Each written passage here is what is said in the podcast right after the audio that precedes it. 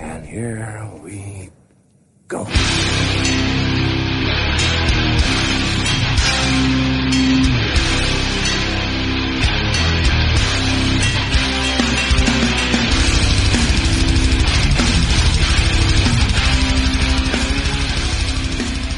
Ja men sådär då, nere på noll avsnitt 111 kommer efter en svettig Örebro punkfesthelg och det är jag, Robin Lindblad, som sitter här med Danne Nätterdal Tja.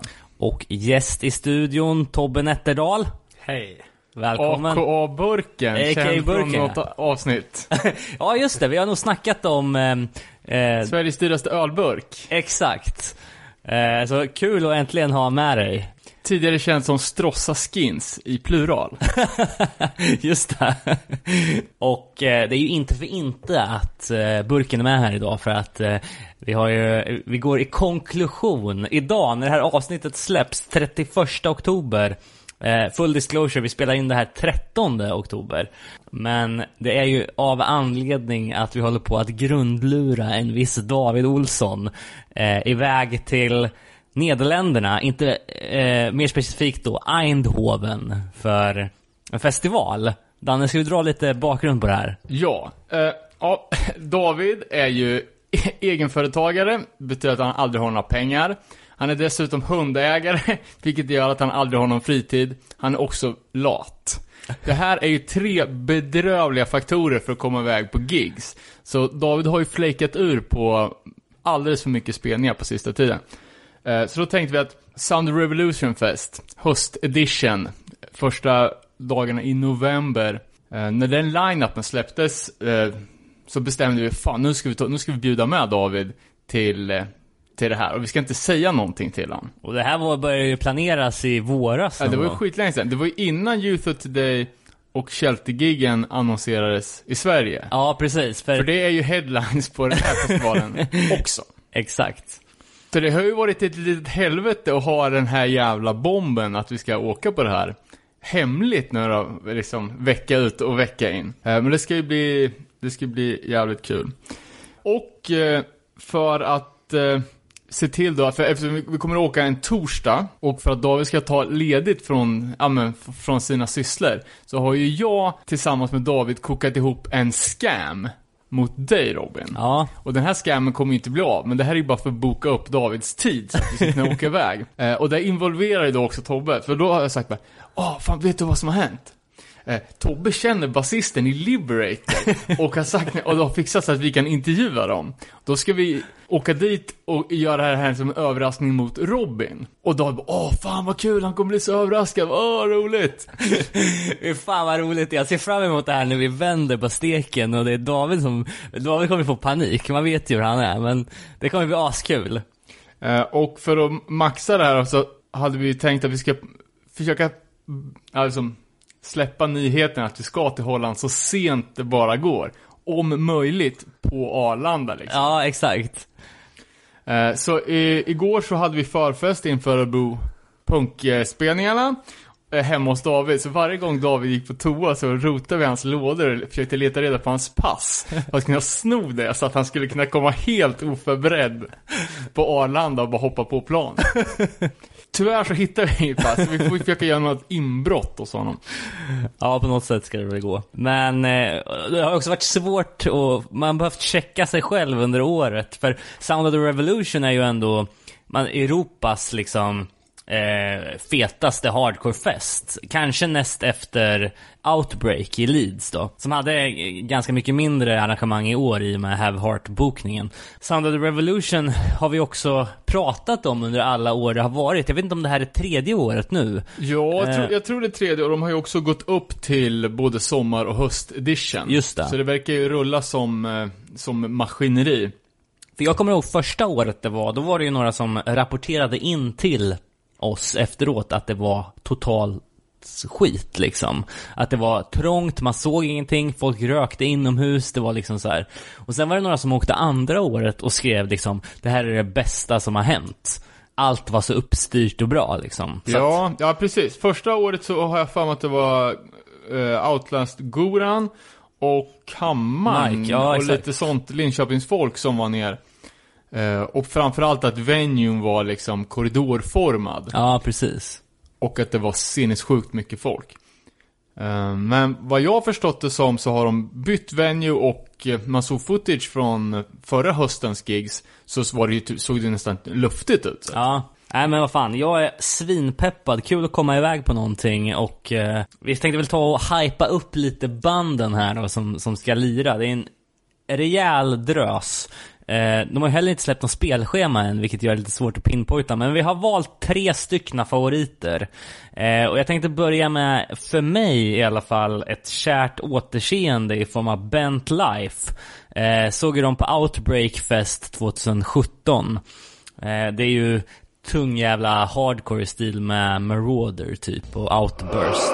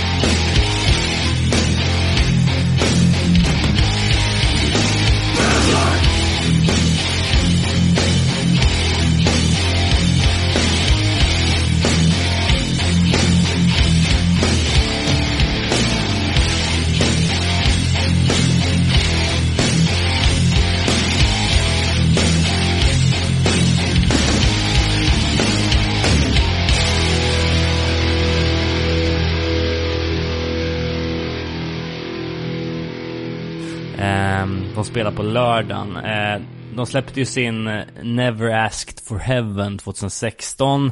Så att, eh, ja det är stenhårt, tungt, men, men inte beatdown för den delen liksom. Det är ett av de banden som jag verkligen ser fram emot att se på den här jävligt varierande line-upen får vi säga. Ja, nej, men det är, det är ett eh, grymt band. Det känns som att de har liksom hamnat på någon sorts turné-circuit och spelar jävligt mycket festivalgigs. Och eh, inte kanske jobbar på att släppa så mycket material. Nej, precis. Vilket nästan alltid är positivt. oh, apropå det. Eh, vi fick ju tips på Instagram tror jag.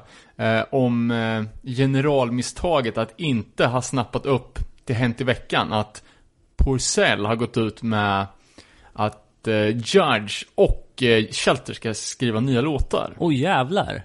Ja det var ju intressant. Ja.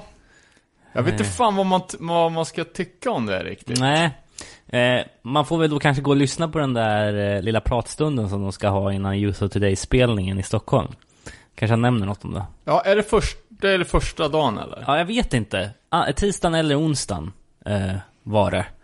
Eh, någon som skulle hålla i samtal med. Men, eh, Och det är ju också, eh, det var ju Fabio Rio tror jag. Just det.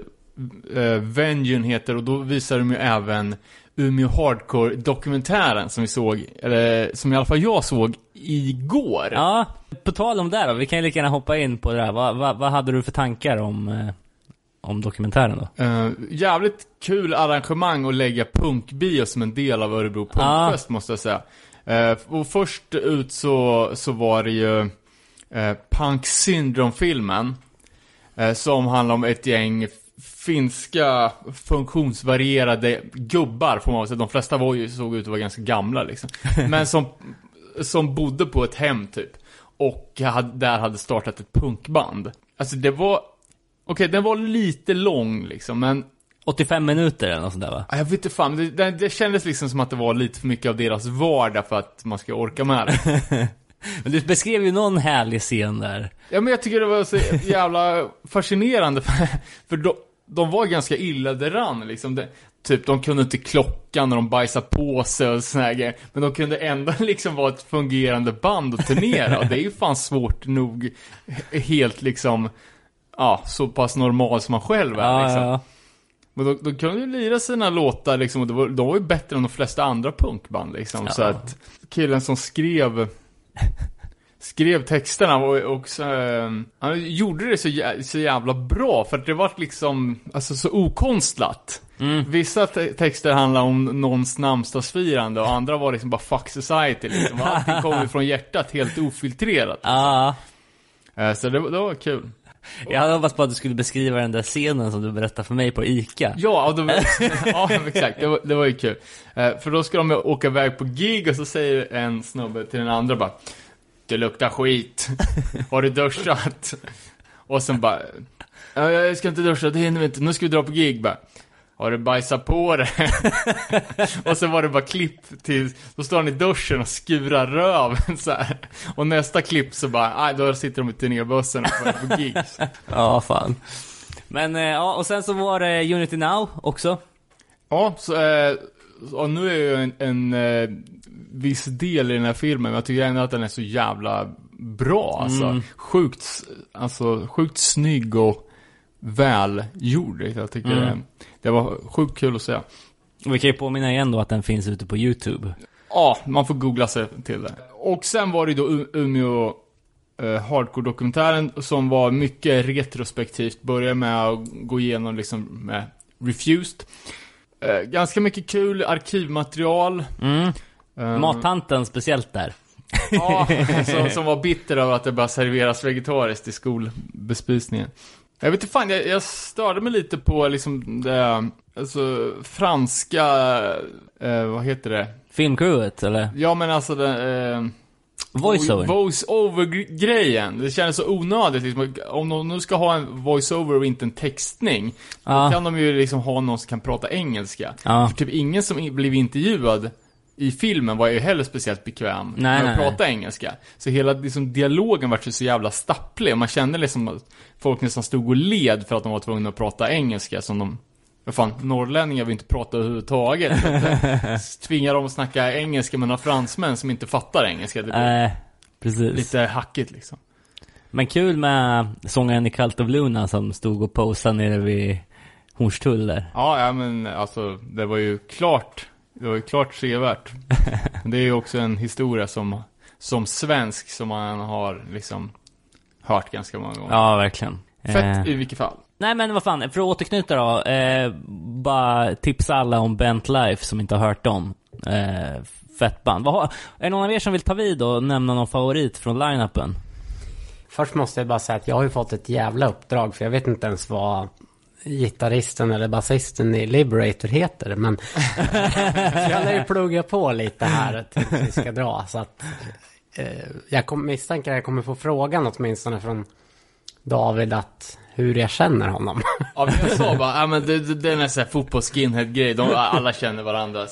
ja, vi får koka ihop något bra till dess. Men eh, ja, The Bruisers är väl mitt nummer ett. Eh, nere i Holland. Första gången i Europa på 21 år. Åh jäklar. Ja.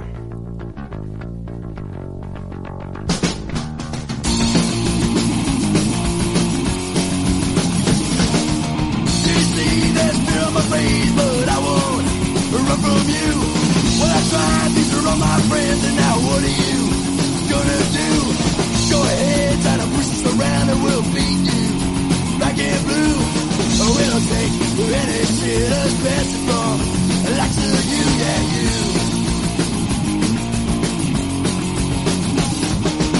The simulation is your game where two can also play.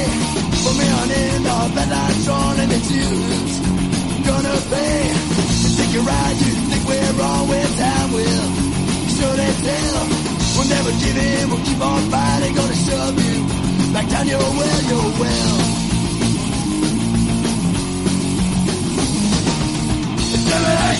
Your game, but the blues are surely for the your game, but the blues are surely for the your game, but the blues are surely for the your game, but the blues are surely for the Eh, nej men så där ska ju bli jävligt kul att se. Det har man ju missat såklart. Ja, och, och, och det är ju eh, exklusiv spelning också då antar jag. Eh, för, för eh, den här festivalen.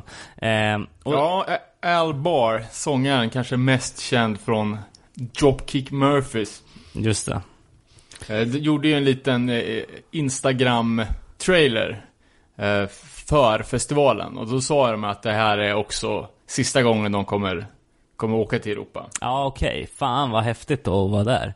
Eh, jag har inte lyssnat jättemycket på The Bruisers, men jag antar att det är snabb punkrock med en oj-nerv, eller? Alltså jag har inte heller lyssnat jättemycket på dem men eh, jag har snöat in lite mer på amerikanskt. Annars har det varit väldigt mycket engelsk punk för mig. Och, Ah, och okej. Tidigare. Men eh, amerikanskt börjar låta mycket... Eller jag tycker att det låter nästan bättre.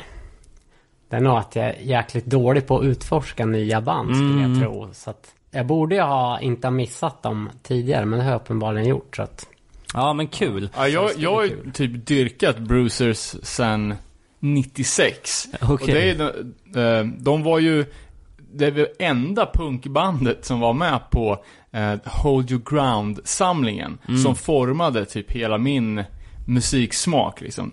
Eh, 30 låtar slåss en fan-samling med alla klassiska hardcoreband. Från The Abused till Integrity till Unbroken, Warzone, allt. Och då har ju även Bruisers med eh, Until the End, eller Till the End, som är deras absoluta hitlåt. Det är ju en så super catchy, ja men streetpunk-dänga. Ja, Okej.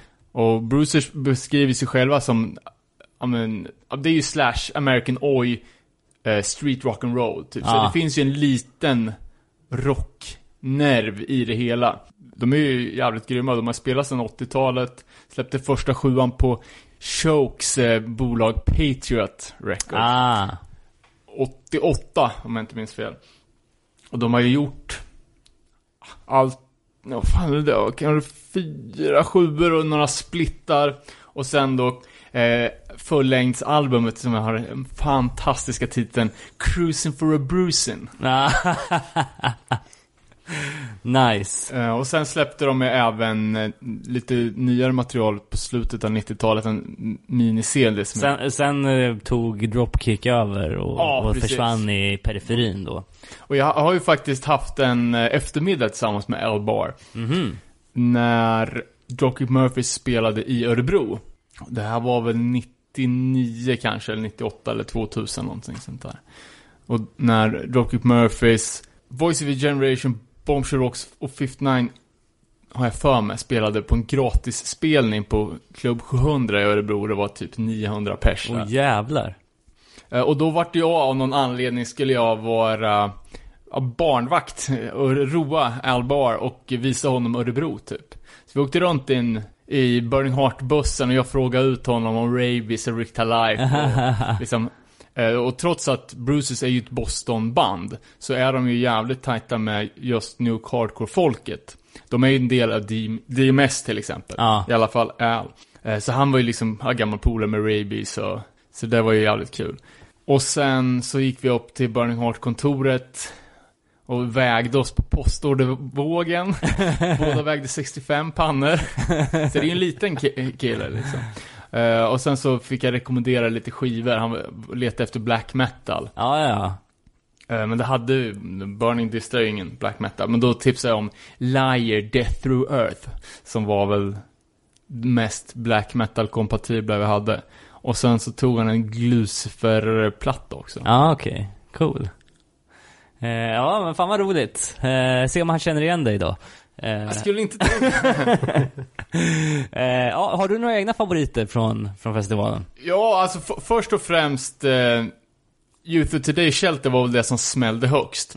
Och det var ju lite bitterljuvt när de typ tre dagar efter att vi Bokade. gi- gick ut, eller bokade här, gick ut med svenska datorn. Det var ju li- alltså lite skitsamma egentligen för att jag har sett både Youth of Today och Shelter förut och det, det som kändes mest lockande var den här kombon liksom att eh, det var jävligt stora band och jävligt liksom lite udda nischade band. Verkligen. Och precis sådana här band, typ The Bruisers, som man inte har sett. Eh, Så ett av mina absolut eh, största drag var ju Bruisers, men även Next Step Up. Som jag aldrig har sett. Just det. Och som jag har... Som vi har snackat om i podden nu under Precis, våren. i liksom. Baltimore special. Ja, det har varit svårt att inte säga att de ska vi se, men ja. Precis, så jag snackade med Aaron i Next Step Up om den här spelningen. Och han sa ju bara, ah, men fan kom fram och hälsa när vi är där, men eh, vi tror aldrig på några såna här grejer förrän vi har flygbiljetterna i handen.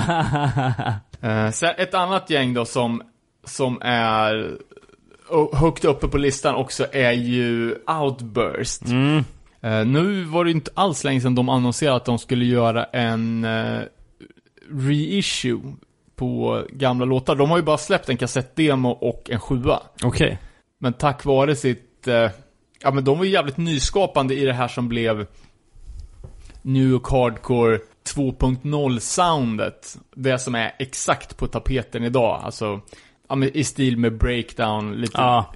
mer åt det hållet. Eh, Så de är ju, ja, skulle säga att de måste ju vara hetare än någonsin. Eh, Och jag tänkte att alltså, om ni inte har sjuan och har sett bandfotot så är det fan episkt. Jag ska, jag ska rota fram den ska ni se. ja, men bra.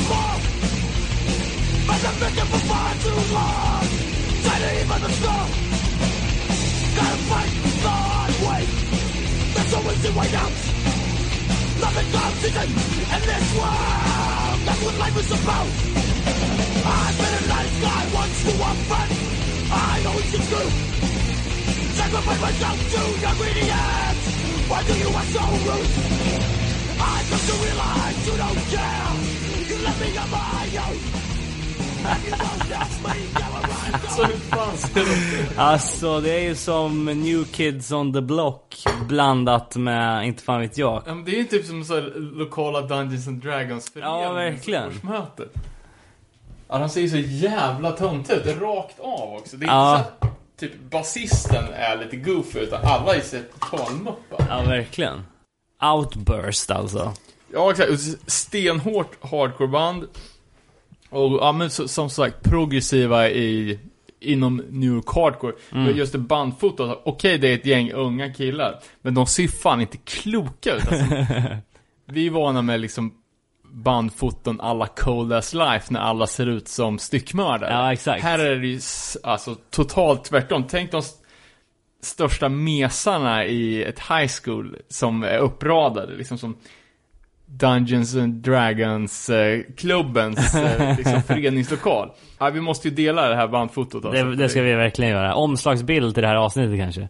Ja, det vore, det vore ju något. Eh, Det är lite roligt ändå att det är där, den bilden de använder på eh, sidan för att presentera bandet. Också på hemsidan för festivalen. ja, just det. Eh, Kan det vara så att de har åldrats ännu sämre? Det ser värre ut nu. Det ska bli intressant att se faktiskt. Eh, ja, jag hade ju eh, sett fram emot Chromags JM, men det blev ju inställt eh, på grund av att eh, John Joseph ska operera sig. För brock. Ja, exakt. Men istället då så blev det Death before Dishonor. Eh, vi har ju snackat upp deras senaste platta, Unfinished Business. Ja, snackat upp och snackat upp. Vi har väl sågat den ganska rejält, men... Vi har nämnt den. ja, exakt. Eh, men framförallt så vill man ju höra stänkarna från de tidigare plattorna, typ Count Me In och sådär. Ja men fan jag, jag har varit skitglad för jag är ju stort Death before Dishonor-fan.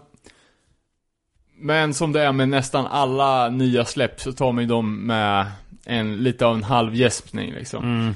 Eh, Men jag tänkte bara, åh fan fett att de ska spela. Jag ska i alla fall ge skivan en ny chans. Ja, Och det var ju det bästa jag gjort, för den är ju pissbra. okej, okej. Eh, speciellt andra låten, True Defeat, är ju s- 100% låt. Så nu vart jag skitglad. Ja, Jag måste fan eh, ge den en chans också innan vi drar. Uh, tyvärr släppte de ju en video på den här plattan där de signalerar lite fel grejer. Uh, Death before Dishonor vart ju Ja, men, ja, de vart ju kända i, i och med Boston Beatdown-filmerna. Eh, var ju väl det bandet som eh, som spelas i introt. Det var ju när Boston Beatdown volym 2 skulle släppas. Och det droppade ju lite som en bomb i hardcore-scenen och uppmärksammades liksom i mainstream media.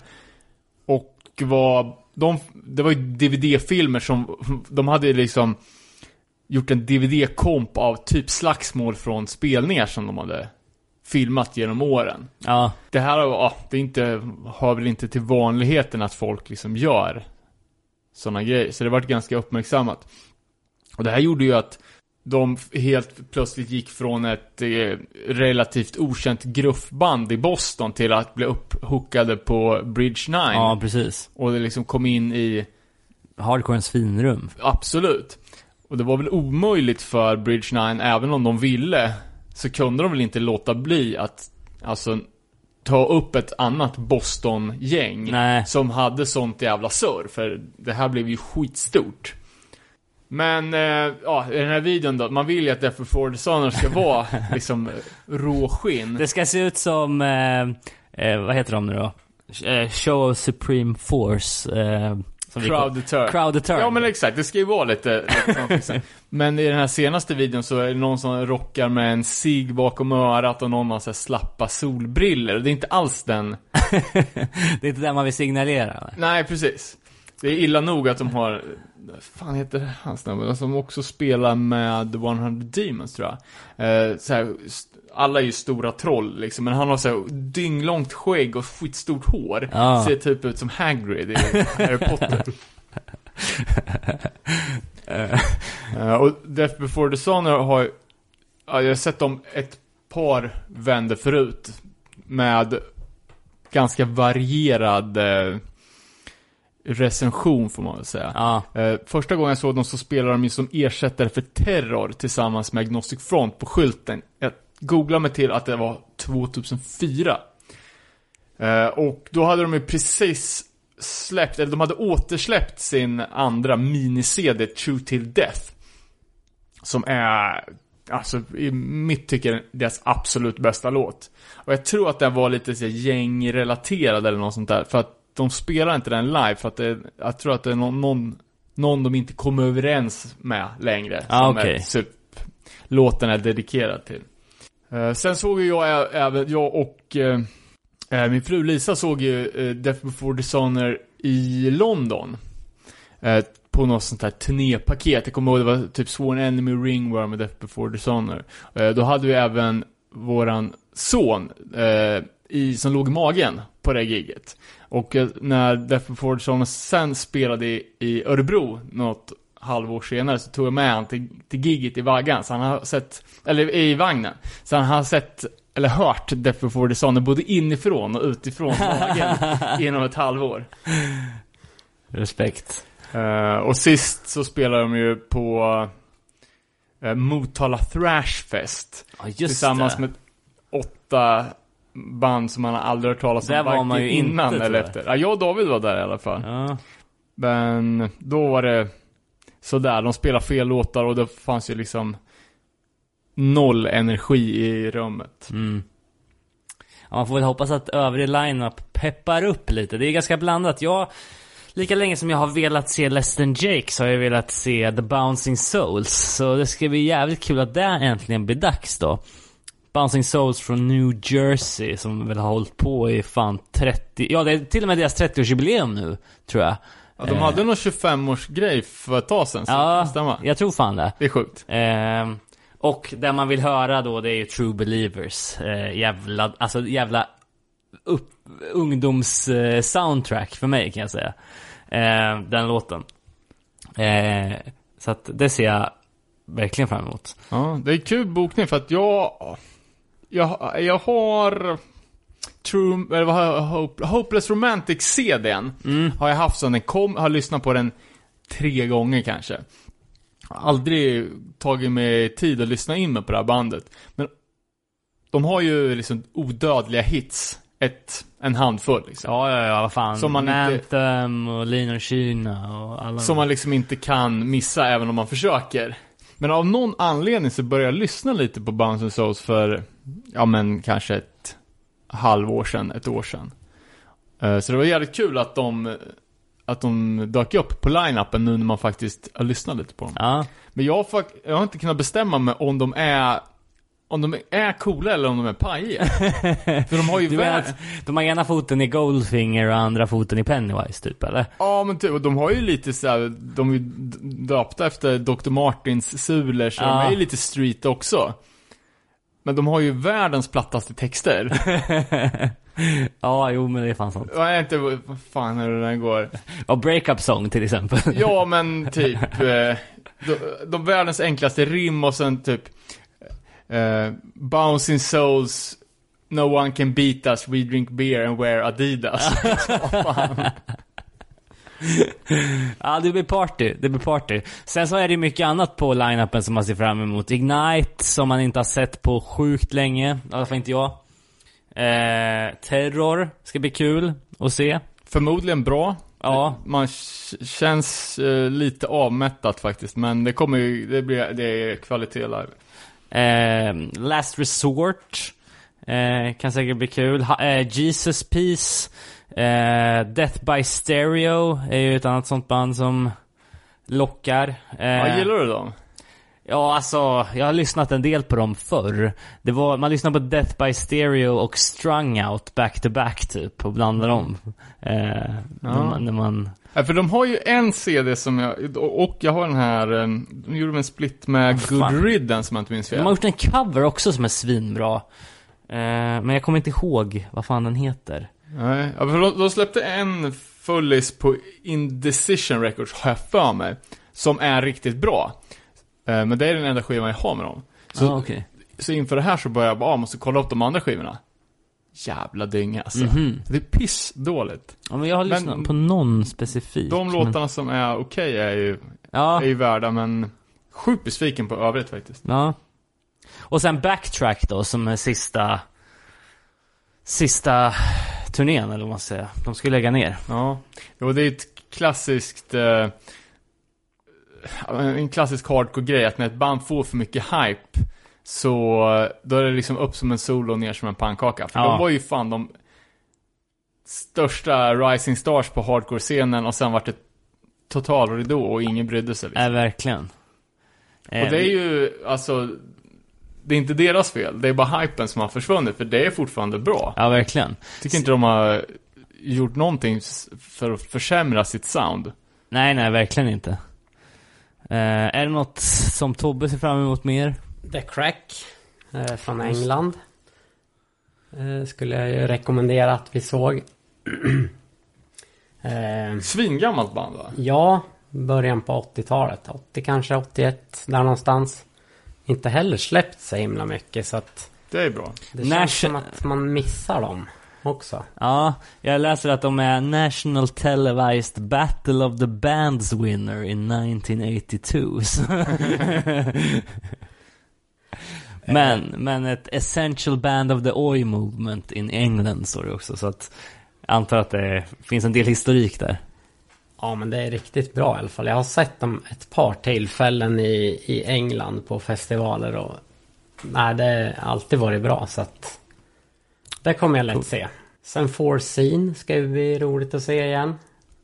Just det, spelade ju på Live and Wellfest här. Senast. Ja, Ja, alltid bra såklart. verkligen.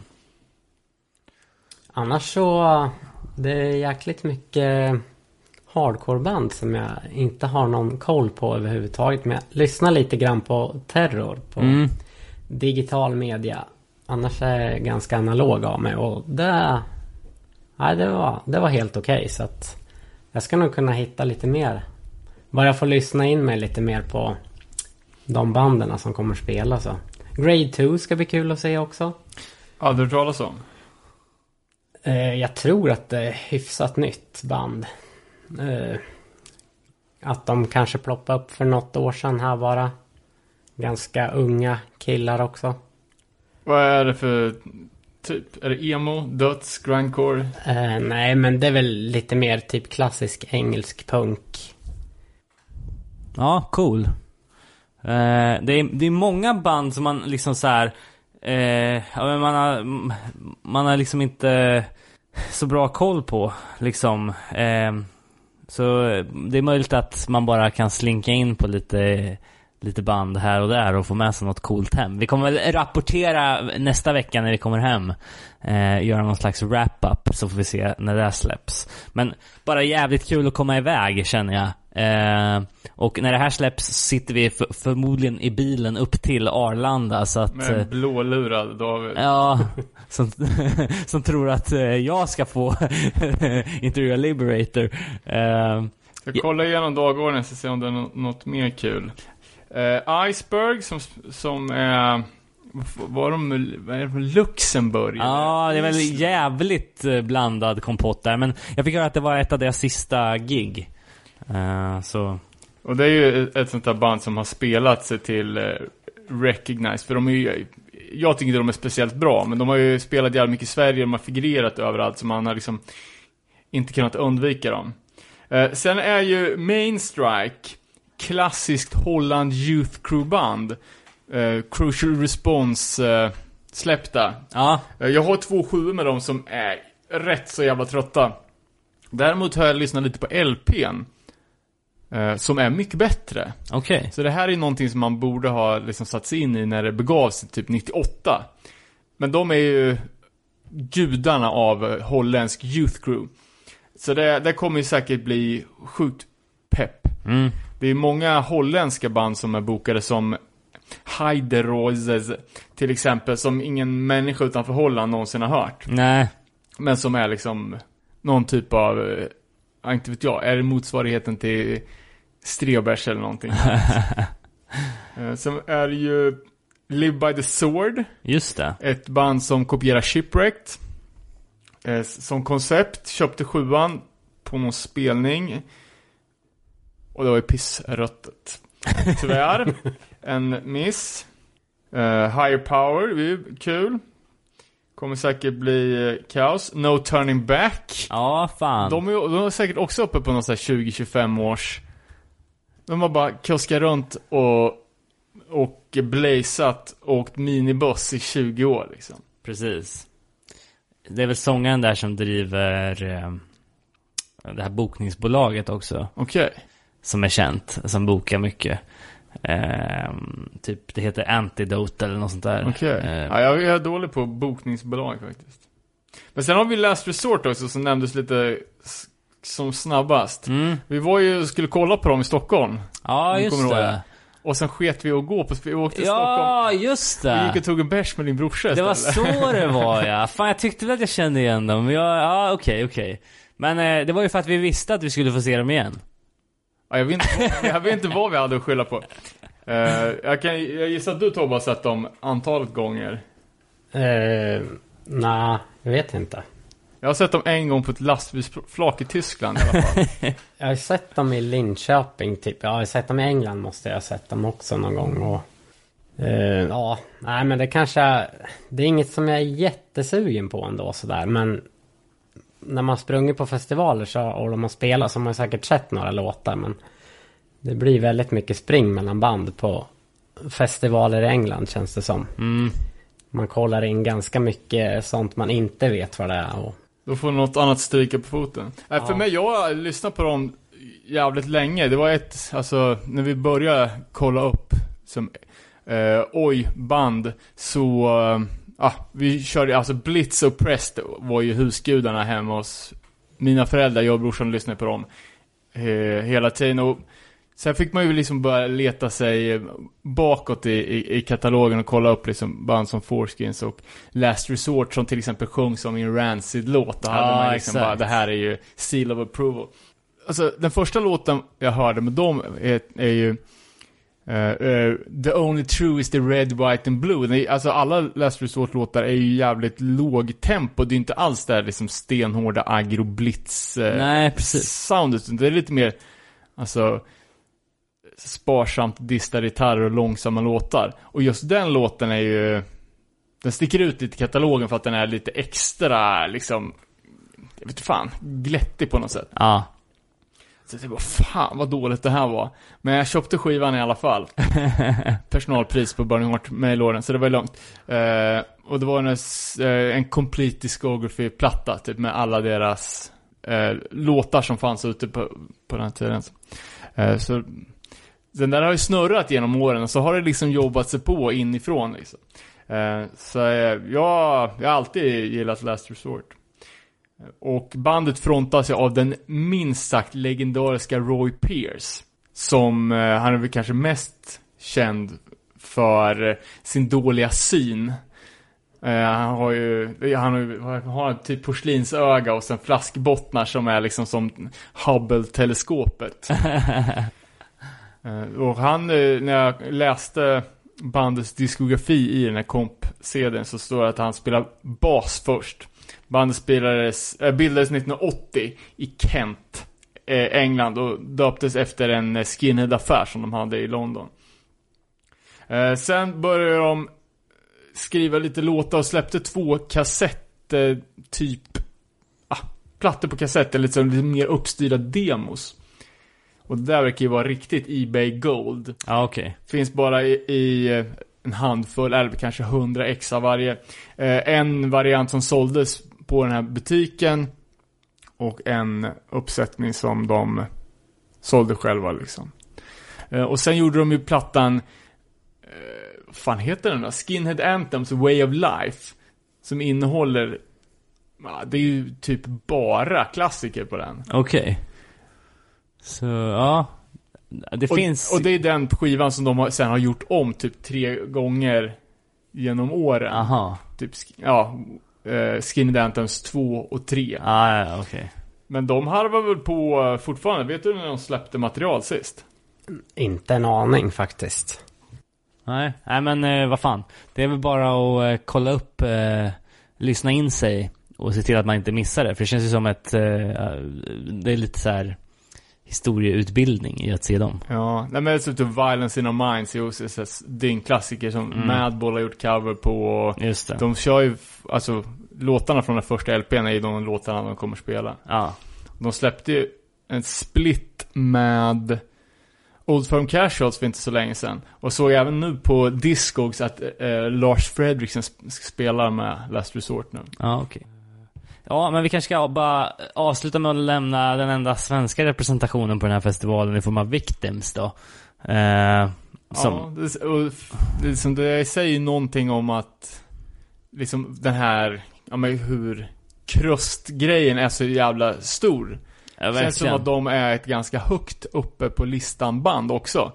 Alltså, många man har pratat med som har varit på festivaler runt om i Europa säger att Victims-patchen är en av de mest vanligt förekommande. Så att det är ju ett, eh, legendariskt band i de kretsarna. Ja, eh, de spelar väl med Slapshot på, i Örebro och så de är även Ja. med Poison ID i Stockholm och det är ju alltid svinbra. Verkligen. Även om man kanske inte är sönderlyssnad på diskografin. Nej. Eh, sist, eh, sist ut då. Ett band som jag är väl måttligt intresserad av egentligen, men som ändå skulle bli jävligt kul att se. Det är Shutdown. Just det. Eh, som du gillar Robin va? Ja, alltså, jag har inte lyssnat jättemycket på dem mer än på, vad heter den? Eh, Something to prove. Ja, exakt. Jag tror att det var du som tipsade mig om den faktiskt från början. All right. Eh, eller någon i samband med att vi pratade om dem i podden i alla fall. Så det är ju helt klart högst upp på min lista för band som jag måste se. För Shutdown slog ju igenom typ på slutet av 90-talet och det här var ju en tid när New York, ja, ett hardcore-band från New York, eh, när eh, New York-scenen var, låg ganska nere. Det fanns lite, äh, som mindre band, typ åt gruffhållet. Everybody Gets Hurt och Arate och dem. Eh, men större band var det jävligt dåligt om. Och speciellt eh, som straight edge, eh, klassisk hardcore, hardcore från New York var nästan eh, utdött. Så när de här kom på, på kartan så fick de en jävla push från alla de gamla skolans band. Eh, det var Shutdown och eh, Indecision från Brooklyn som eh, Ja men som var typ de enda klassiska hardcore-banden där ett tag, som kom från ingenstans och med hjälp av liksom hela den gamla, det gamla gardet Ja, exakt. lyftes upp. Jag har för mig att vi pratade om just precis det i något avsnitt. Att, att de ändå tog som hand om av de gamla banden liksom. Ja, och eh, eh, jag läste även på, på skivan att texterna är skrivna av, av eh, att gamla scenpersonligheter, typ Mike Skedato och lite sådana där, hade skrev texterna åt dem. Och Just det. de släppte ju direkt på, på Back to Basic, Rick Lives bolag som var super credit at the time. Och sen släppte de ju fullängdare på Victory som också var, ja, som huge Ja. på den tiden. Nej, det här blir jävligt kul att se faktiskt. Och liten shoutout också till Dead Heat från Oxnard som jag, som jag hade som någon toppplatta på förra året. Just det. Eh, ska bli jävligt kul. Grymt. Ja, men fan vad vi ser fram Ja, emot det det är här. sjukt mycket bra band. Ja, Jävligt eh, och, och det, det känns liksom inte, alltså så här typ Dead Heat, nu när du säger det, jag vet inte ens om jag ens har reflekterat över att de kommer spela. För att man har varit så fokuserad på de här tre, fyra stora banden som man så här har sett fram emot. Men, men eh, vad heter den sjuan som de släppte förra året? Dead Heat? Oj, då vart man ju ställd. Eh, Ja, men skitsamma. Men den ska jag se till att lyssna på i alla fall. Innan vi åker. För det är alltid tråkigt när man väl står där och bara det här är så jävla bra, jag skulle ha lyssnat på. ja, nej, men de, de släppte ju en LP förra året och innan det så gjorde de ju en, eh, en split Ja, just det. med förra årets största band från New York, Mindforce. Just det. Det blir, eh, det blir kul att se. Eh, Jag hoppas på att det är en eh, lite svensk representation också på, om, om ni ska dit så hör av er. Ja, för fan. Vi, ja, vi hade ju gjort shoutouts om det här hela tiden och styrt ihop ett gäng, men vi har, har ju som sagt fått hålla det här hemligt hela tiden. Ja, exakt. Eh, Och vi kan ju inte heller posta i alla grupper som David också är medlem i, om att vi ska dit och vilka som ska åka. Så att eh, hojta så ses vi där. Eh, om inte annat så fortsätter vi nu med den andra delen av Erik och Kalle eh, skivomslag och musikvideo specialen. Och eh, om vi förra gången snackade jävligt mycket om omslag och görandet därav så blir det idag lite mer fokus på musikvideos som väl egentligen var, var tanken från början. Men, men det är som man slirar vidare. Vi slirar vidare mot eh, Holland och så hörs vi igen om eh, någon vecka eller två. Danne, Tobbe, Ja, ha det gött. tja! Hej. Okej, lite uppdatering då sen vi spelade in den här delen. Tyvärr, tyvärr så har då Davids farmor gått bort. Sjukt sorgligt och eh, vi är, våra tankar är såklart hos David eh, som då inte kan följa med på den här resan visar det sig. Men vi truckar på ändå trots att även The Bruisers ställde in samma kväll som vi spelade in det här försnacket. Men vi är peppade. Vi åker idag torsdag till Eindhoven. Ni kan följa oss på att nere på noll hela helgen. Och eh, i övrigt säger vi att nu kör vi andra delen med Erik och Kalle. Boom!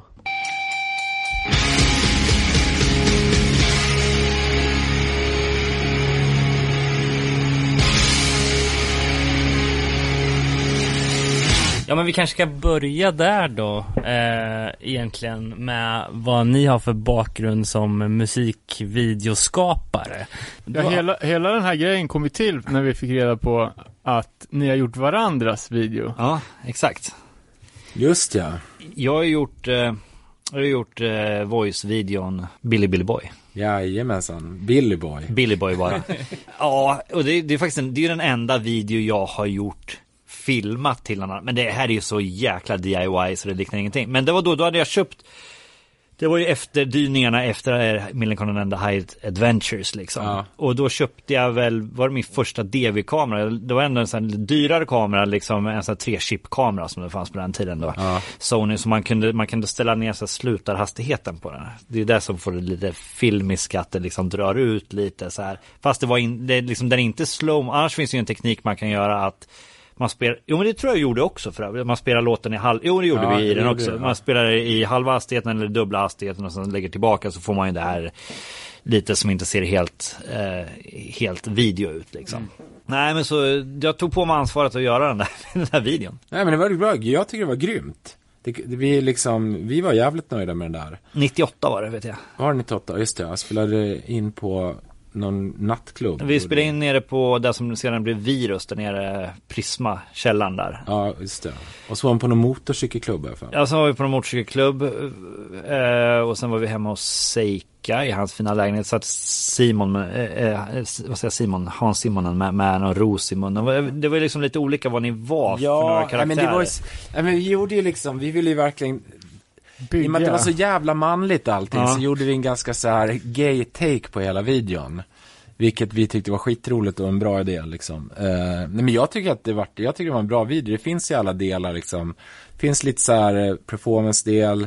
Det finns en konstig handling utan att det är för mycket acting. Ja. Även om vi sitter och ser för jävliga ut. Nej, det, nej, nej, nej, nej, det är nej. för det- att vi, så, vi ser ut så. Ja, ja, men alltså sen jag som videoregissör, det, det, är ju, det, det var ju DIY liksom. Men, men, det, men det vart väl liksom, sen är du alltid, du är väldigt tacksam att filma när du, när du drar igång. Ja. Så, Ja, det är extremt mycket närbilder på spot som flyger. Ja, men, men, men sånt är så jävla viktigt. Och nu kollar jag inför det här, kollar jag på Sex Pistols-videon, där första God Save the Queen. Alltså, det är så dåligt så det liknar ju ingenting hur Ja, det är helt otroligt. Men det är ju ett av världens största rockband och, och när de film, eller när de gjorde den här videon så var de ju huge. De Ja, ja. ju liksom legat på två olika majorbolag och så kan de inte ens göra en video där de Men man ser, det, det, håller bo- masken det, Ja men det både är det ju videoformatet för sån här musik var ju, måste ju vara det, det är ju första gången det här händer, att punk filmas. Det är ju säkert några videocrew som inte vet vad de ska göra. Och de, man ser ju hur nervösa de ser ut i bandet. Ja, ja, de är ja, helt ja. superobekväma. Förutom Johnny Rotten som har ganska mycket Charlie Voice-miner och grejer reagerar på nu också när man se det igen. Liksom. Ja. Men det är ju så dåligt, de tar ju inga i princip close-up på hans ansikte. Det finns ju det finns ju ingen som helst vidvinkel, det är ju bara en sån här helt vanlig brännvidd. Det är ju totalt omagiskt allting. Och det här, när musikerna röjer, fan, alltså det ser ju, eller röjer, de står ju bara De är så trötta. Det, jag tycker det känns som att de bara står och larvar. Alltså de, det finns ju ingen energi. För man har ju sett, Nej. man har ju sett bilder när det är jävla tryck liksom. Och man blir så här råpeppad när Pistol spelar. Men det här är ju mer, de står och larvar nästan skäms lite grann. Ja. Du vet. Ja men man ser det, efter Ja. halva videon då börjar de ju skämmas Ja, och då exakt. börjar de liksom typ såhär nervös skratt. Ja. Men kan det inte vara så liksom? Jag kan tänka mig lite, lite in bakom scenen där liksom att det där bandet som är ganska hopplockat och väldigt managementstyrt så här. Nu ska ni göra det här, nu ska ni... Att de, De är är inte sjukt obek... Nej exakt, de blir väl nervösa som vem som helst fast Fast man nu tycker att det är liksom, att de är legendarer liksom. Men då var vi säkert svinnervösa och tyckte det var sjukt obekvämt att det stod något filmteam och så skulle de ösa igång. Säkert Tokröja. ett helt nytt medium för dem också. Ja, tänkte, givetvis. exakt, jag tänkte precis säga det. För att jag, jag tänkte jävligt mycket på det. Om man kollar på de här gamla grejerna innan MTV. MTV startade 81 i USA, typ 87 kom det till Europa. Och före, allt som är gjort innan det är ju så här. Det, det finns ju ingen så blueprint på hur man gjorde musikvideos eller varför man gjorde musikvideos. Det, det är som så här, den här grejen med Pistols känns ju som de här grejerna man har sett från sent 60-tal med Stones. Som också är någon form av musikvideo, men det är bara så här. Det är slätstruk och det är, man fattar inte varför, du vet. Allting är en tagning. Ja, ja, exakt. Det är som att spela live. Ja, verkligen. Precis. Ja, men en Fast- fast- avfilmning av live. Ja, fast det, energin finns inte där för det För att finns det ingen är publik. live. Nej. Ja, exakt. Så att det är helt poänglösa produktioner någonstans. För sen kan man ju gilla så liveframträdanden. Det finns ju något klassiskt med Stones. När de står och spelar liksom, men, som är skitbra, så här, snygg tv-studio. Men då finns det publiken och då märker man att de är peppade. Ja, och liksom. spelar man live så ser det ju annorlunda Ja. ut. När man vet att man spelar in en video så här, alltså det är så, det har man gjort själv också i vissa videos, men alltså vad fan sitter, står man och tittar ner på gitarren för när man spelar när man ändå kör playback? Alltså det ser ju för jävligt Man blir så- blyg. Så, kon, ja man blir, man ska koncentrera sig och titta ner och inte röra på sig. Det är ju urusel, liksom, det är urusel visuell underhållning. Då är det bättre att ösa runt, det är ju ingen som kollar om du tar det, om du liksom har ett A eller D liksom i, i, i näven liksom. Nej men det blir ju fake och då kan man inte släppa, släppa lös. Nej, men exakt. Står man på scen då finns det liksom inga Nej, och hämningar. Nej, och då spelar du ju rätt för att du hör vad du spelar och så vidare. Liksom. Men I, på det sättet så är ju mycket av det här det vi är inne på nu, hardcore punk, det görs ju egentligen bättre när, när, om det skulle vara live. Så att liksom, Ja, det och, och det är rätt publik och man får den här energin som den här musiken ska vara. Man ser ju nästan alla videos man tittar på inför det här avsnittet så är ju alla lätt obekväma när de står i sin grusgrop eller, eller liksom, exakt. var, vart man nu har placerat bandet så de ska se ut som de öser. Och det, jag blir mer och mer allergisk mot eh, faktiskt mot de här performance-videosarna för man vet svårt, själv hur, hur. Ja, för du, liksom, du hamnar där, du vart ju SOS halv performance i alla fall och så står man där och ska liksom ösa till det på någon vänster. Det, det, jag vet inte fan, man har sett det under så jävla många år, fast det är svårt att komma ifrån också. Men det är ju få band som kan, tycker jag, alltså jag har gjort sådana där, när man själv har gjort så här, sådana videos med band där idén är mycket performance, eller att skivbolaget har krävt det. Är det inte rätt band så blir det ju inget bra, så enkelt är det liksom. Nej. Och jag tror nästan så Hives är ett undantag. De är, för, alltså de har det där lilla, Men de det är har, för att de är ju i act hela, Hela tiden. tiden, ja. Så det, det spelar ingen roll, Nej. de slår bara på det. Nej men de är unika med det och faktiskt, eh, även så här, faktiskt. Så här när jag gjorde, någonting som inte har något med punk att göra, men jag gjorde så här, Anders, eh, Money Brother grej, han är faktiskt jävligt bra, när, alltså så här framför kameran. Eh, kan jag tycka. Han är svinbra. Ja men performer, Ja. performer. Men så här, men för det är svårt. Alltså, jag Jo menar, men det exakt, men du gjorde, ju- du gjorde den där grymma videon till Money Brother, där han, där han animerat allting runt omkring honom. Ja just det, exakt. Ja. Då är ju han liksom ändå i fokus hela tiden. Och Ja. skulle inte han klara av att mantla den rollen och det vara nervös. ja, hade det är en det- one take rakt igenom Ja, det hade ju. Ja. aldrig funkat.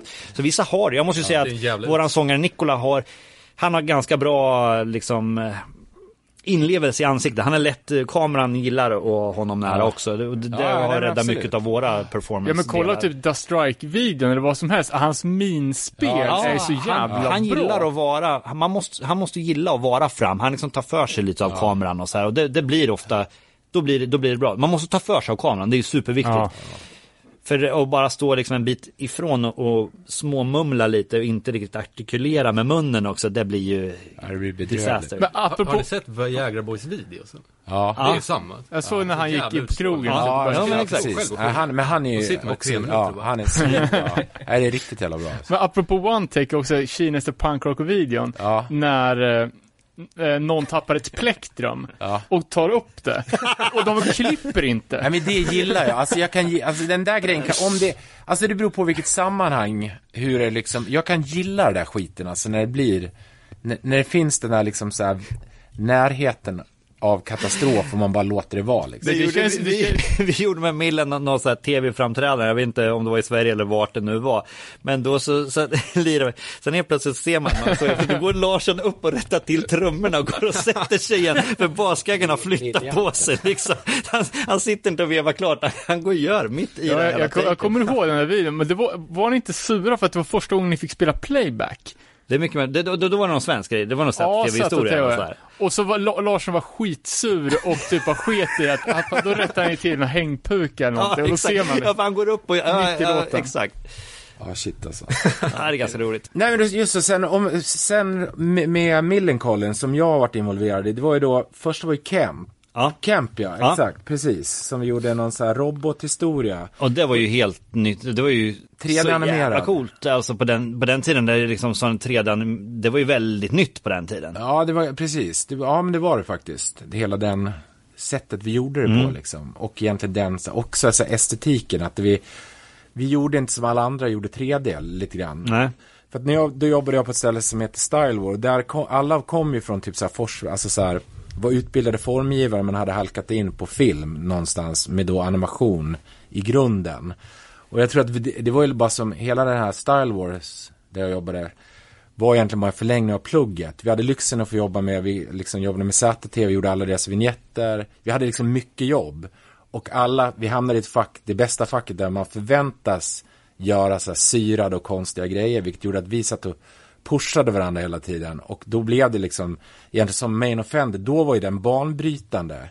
Vilket också Kemp blev. Ja. Då fick vi skitmycket så här stora jobb på för att vi hade gjort den. Jo, men för att det var liksom, vi hade det- brutit hela det här fulträden som fanns då och gjort dem mer så här ganska stilistiskt och avskalat och som dessutom var 100% synkat. Ja. Säkert, hade man gjort den idag hade det blivit tusen gånger bättre, men så här med de medlen Ja men för, för då, den liksom. tiden också Ja. så är det ju, och Main Offender och de här liksom videosarna som du skapade där, det satte ju ett helt nytt formspråk inom mycket reklam och, och allt Ja, möjligt det som kom det, efter, efteråt. Liksom. Det, det var ju, nu för tiden så, så kanske inte folk tycker det är så märkvärdigt, men när någonting sker för första gången, om man Ja, var med på den det, tiden, ja. då var det väldigt, väldigt Ja, eh, avancerat. Ja, för det var rätt banbrytande då, liksom. har man sett. För jag är också lite grann som dig, jag har ju aldrig gillat det man har kastat Alltså jag, jag är nöjd, man ska, jag ska aldrig släppa något som jag inte är nöjd med, men, jag, men man är alltid såhär bara, fan vad uselt det blev, jag hatar grejerna. Sen kan man så här, nu har jag börjat gilla Main Offender och jag kollade på Kemp nu för några dagar, eller Kemp för några dagar sedan också, så här, ja, men den var ju rätt cool. för Jo, vad ja, men var, det är kul liksom. att man har glömt bort Ja, exakt. Ja, jag tycker de är skitbra de här videorna, suveräna de här videorna. Kemp spelades ju som fan på ZTV också. Ja, Och sen så ska vi, måste vi ju nämna här som en videoepisod, alltså vad ZTV gjorde för svenska musiken Ja. överhuvudtaget, alla genrer. Liksom, det var ju helt otroligt att det fanns på den tiden. Som spelade, en, liksom, när ZTV började väldigt tidigt liksom. Ja men det var ju helt, de visade ju all typ av undergroundmusik. Ja. Liksom, de gjorde så jäkla mycket för hela svenska musikundret. Men det är fortfarande grejer man drar fram på någon eh, förfest, alltså ZTV-klippen från Hultsfred och sådär liksom. Bara det var ju, för Ja. de som inte kunde vara där så var det ju Nej men de var ju svinduktiga på, på och det. det vart ju som, de, de fångar, alltså alla program om Hultsfred special och allting, de var ju ute, hela redaktionerna var ju ute i, i där det hände liksom. och de hade väl något tält där till och med har jag Ja. ja, ja. Ja, och de blev ju polare med alla banden. Ja liksom, men man någonstans. kände ju allihopa Ja. liksom och, och då det vart som att de bara liksom stöttade hela musikscenen. Det var så jävla viktigt Ja, alltså. det var jävligt coolt alltså. Ja, ja, men så, det, ja, men så, det, så den här Kemp var ju jävligt roligt tycker jag att göra. Och den blev ju också, har jag för mig, det var någon så här digital byrå i Stockholm som heter Farfar som gjorde ett spel av det här Ja, också. exakt. Så det blev något spel man kunde vinna typ grej, alltså, De, de, det var några som vann en, eh, en resa till ett millengig var som helst i hela världen. Ja, Fick de välja. Vad då spel? Jag fattar de inte. gjorde, det, det är en robotvideo. Ja, det, det. Ja, då gjorde de något så här spel, så man kunde så här, du skulle med hjälp av, du vet, fyra tangenter sp- synka låt. En tidig Det var en version. CD-ROM med andra Ja. ord också. Okej. Själva skivan. Så det var en tidig version av, vad heter det, Guitar Hero. Hero. En jävligt kexig Mm. version. Men det var ju också tidigt. Det här vi snackar ju... 2002. Kom, 2002 kom den ut. Så det var ju liksom, det var ju coolt. Och de vann en jävla massa priser för det spelet och den kampanjen. Liksom. Och ni hade ju gjort eh, robotarna. Ja, vi gjorde hela skiten. Ja. Och jag ser nu, det har inte jag tänkt på, att det är den här roboten som vi gjorde som är omslaget på Ja, singeln. det är det enda omslaget som inte jag... Jag har gjort loggan liksom, men jag har Ja. inte gjort själva... Ja, men du har ju förgyllt den lite grann. Ja, men... Ja, jag har dragit in och Ja. gjort den lite mer tecknad. Men, men, eh, men det är ändå det enda omslaget med Millencolin som inte jag har gjort själva huvudobjektet Ja, på. just det. Ja, men, jag, nej, men jag har glömt bort det där. Ja, nej, men så det var ju, ja, det var jävligt roligt. Och det var ju roligt att jobba med Millencolin tycker jag. Så här, plocka upp det igen, fast liksom in, ur ett annat så här, från ett annat håll. Men sen gjorde vi, det kommer du ihåg det, Man och Mouse? Alltså det är så sjukt roligt, det är få som vet om den grejen. Eh, för vi gjorde en video till Man och Mouse som var så här, Den var inte klar. Ni gjorde aldrig klart den? för vi blev stoppade. Ja. Ja, jag ska bara, jo, men den finns, vi har, jag har en version som Har du den? Ja, jag ska ta fram den. Jag har den inte här. Jo, det måste du verkligen ja, göra. Jag har den på en hårddisk, jag hittade den. Nej, men så här, Ja. återigen på Star Wars. Vi fick förfrågan på att göra Man or Mouse, det var en ganska bra budget. Givet att det var ett Burning Heart-band så var det ganska bra budget. Och då hade vi en idé om att plåta på alla jävla format som fanns. Så vi, vi åkte ut i en vecka och köpte allt från VHS-kameror till Super 8, 16 kameror, hyrde allt som fanns typ i Stockholm. Så det var allt från 35 mm som är det glassigaste, ner till en pissig, du vet så här 25 kronors kamera från Kopparbergs marknad. Och så, jag tror vi hade, hade vi 69 kameror som stod uppställda på stativ. Och så stod Millencolin i mitten. Och sen så filmade vi liksom en one take på bandet och det var alltifrån så här Ekan hade någon sån här äh, kamera som sitter på gitarren till att Larsson hade någon på cymbalen och ja men du vet. Och så körde vi. Och Men då var de monterade? Vad sa du? Då, då var de monterade. ja, inte- sen var ju inte en- vissa stod på stativ Vi stod som inringade av hur mycket Ja. kameror som helst på stativ. Sättet var ju sjukt snyggt. Ja, och sen så två stycken stora blinders i bakgrunden. Ja, exakt. Ja. Precis. Men jag vet inte vad som hände. Nej, men det hände, hände var väl att eh, det, var en, det var en ångest där när vi, när vi kollade på det. Eh, jag förstod att det skulle bli så här eftersom, fast folk hade ju fått liksom, folk hade ju Matrix i huvudet, Ja, att de trodde ja. man skulle kunna göra freeze frames på att vi liksom bara brrr, liksom får runt så här som man gör om man är inringad av kameror Ja. lite där. Då hade det inte liksom folk, det var lite tidigt också det här med Ja, att blanda absolut. dåligt Ja. eh, kvalitetsmaterial. Ja. Ja. Och sen var det en kombination med att vi var ju väldigt, vi vart ju väldigt inmurade utav kameror så vi kunde liksom inte röra på Nej. oss här, så vi vart väldigt stillastående. Ja, ja. Och då vart det liksom som, det vart liksom inte riktigt det, det öset som folk hade förväntat Nej sig. men exakt, men jag tror att det var det. Men, men grejen, det faktum är, det är helt roligt för jag kollade på den där nu för något år sedan, hittade jag den. Den är jävligt grym, jag ska skicka Du, den. det, ja, men det, jag, Den är det är så kul att du säger nu, alltså. för vi har trott att den var borta. Ja. Vi trodde bara att vi hade den här, internet, vi kollade på den på Burning Heart då, Ja. och då var den liksom eh, två tredjedelar klar kanske Ja, någonting. exakt, ja. Sen så stoppade vi den liksom så här, och så betalade, vet jag att budgeten gick, det, det här var ju på Home from Home då. Ja, exakt. Vi la ner en makalös videobudget på den skivan. Ja, för sen Filip Engström gjorde ju, den sen. Den officiella videon. I, ja, exakt. I, i nås, utanför Stockholm. Ja. Sen gjorde vi även Battery Check slash E20 Norr i Australien det. på den Ja, också. Ja. Så alltså den här video, alltså på den tiden videos alltså. Eh, Är det vet inte om man, 100 000 eller det är inte miljoner? vi la ner, jag tror vi la ner 1,2 miljoner på videos på den skivan. Ja men och då kan det inte, alltså så här. Jag slutade, för det gick ju inte att göra videos till slut. För vi hade ju turen när jag började på Style och efter Main Offender, den hade vi 100 000 på. Och det var ju liksom så här, ja men det var ju liksom så här. Det var ändå så här, jag och en kille till som satt och jobbade med det där i en månad och körde på liksom. Det är egentligen inte så jävla mycket pengar liksom. Men sen, sen började vi få förfrågningar direkt, liksom allt ifrån Stones till vi fick så här, Moby gjorde vi två videos åt. Och då är man, gick man ju från 100 000 till 2 miljoner. Stones hade vi 4,5 miljon på. Alltså det blev sådana här, och sen och Cardigans kunde man få liksom Cardigans på den tiden, typ 2002, 2003, det låg ju på 800 till en miljon liksom. Det var ju direkt från Hives konto, så det var ju bara Ja, ja precis. recycla. Ja, exakt. Nej, men så att, så att, och sen helt plötsligt 2006, då bara dök allt i källan. Då, jag kommer ihåg vi gjorde... För att ingen kunde sälja skivor.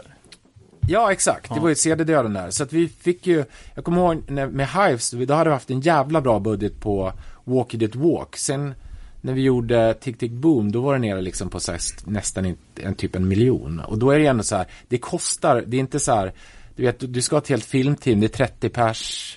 Du vet, och när man jobbar med Hives, ta, den där Walk It Walk. Pelle skulle bli försäkrad för 100 miljoner om han ramlade ner från väggen. Va, var det Så sådana vi, grejer vi med det där tackade nej till videon för vi kunde inte lösa det.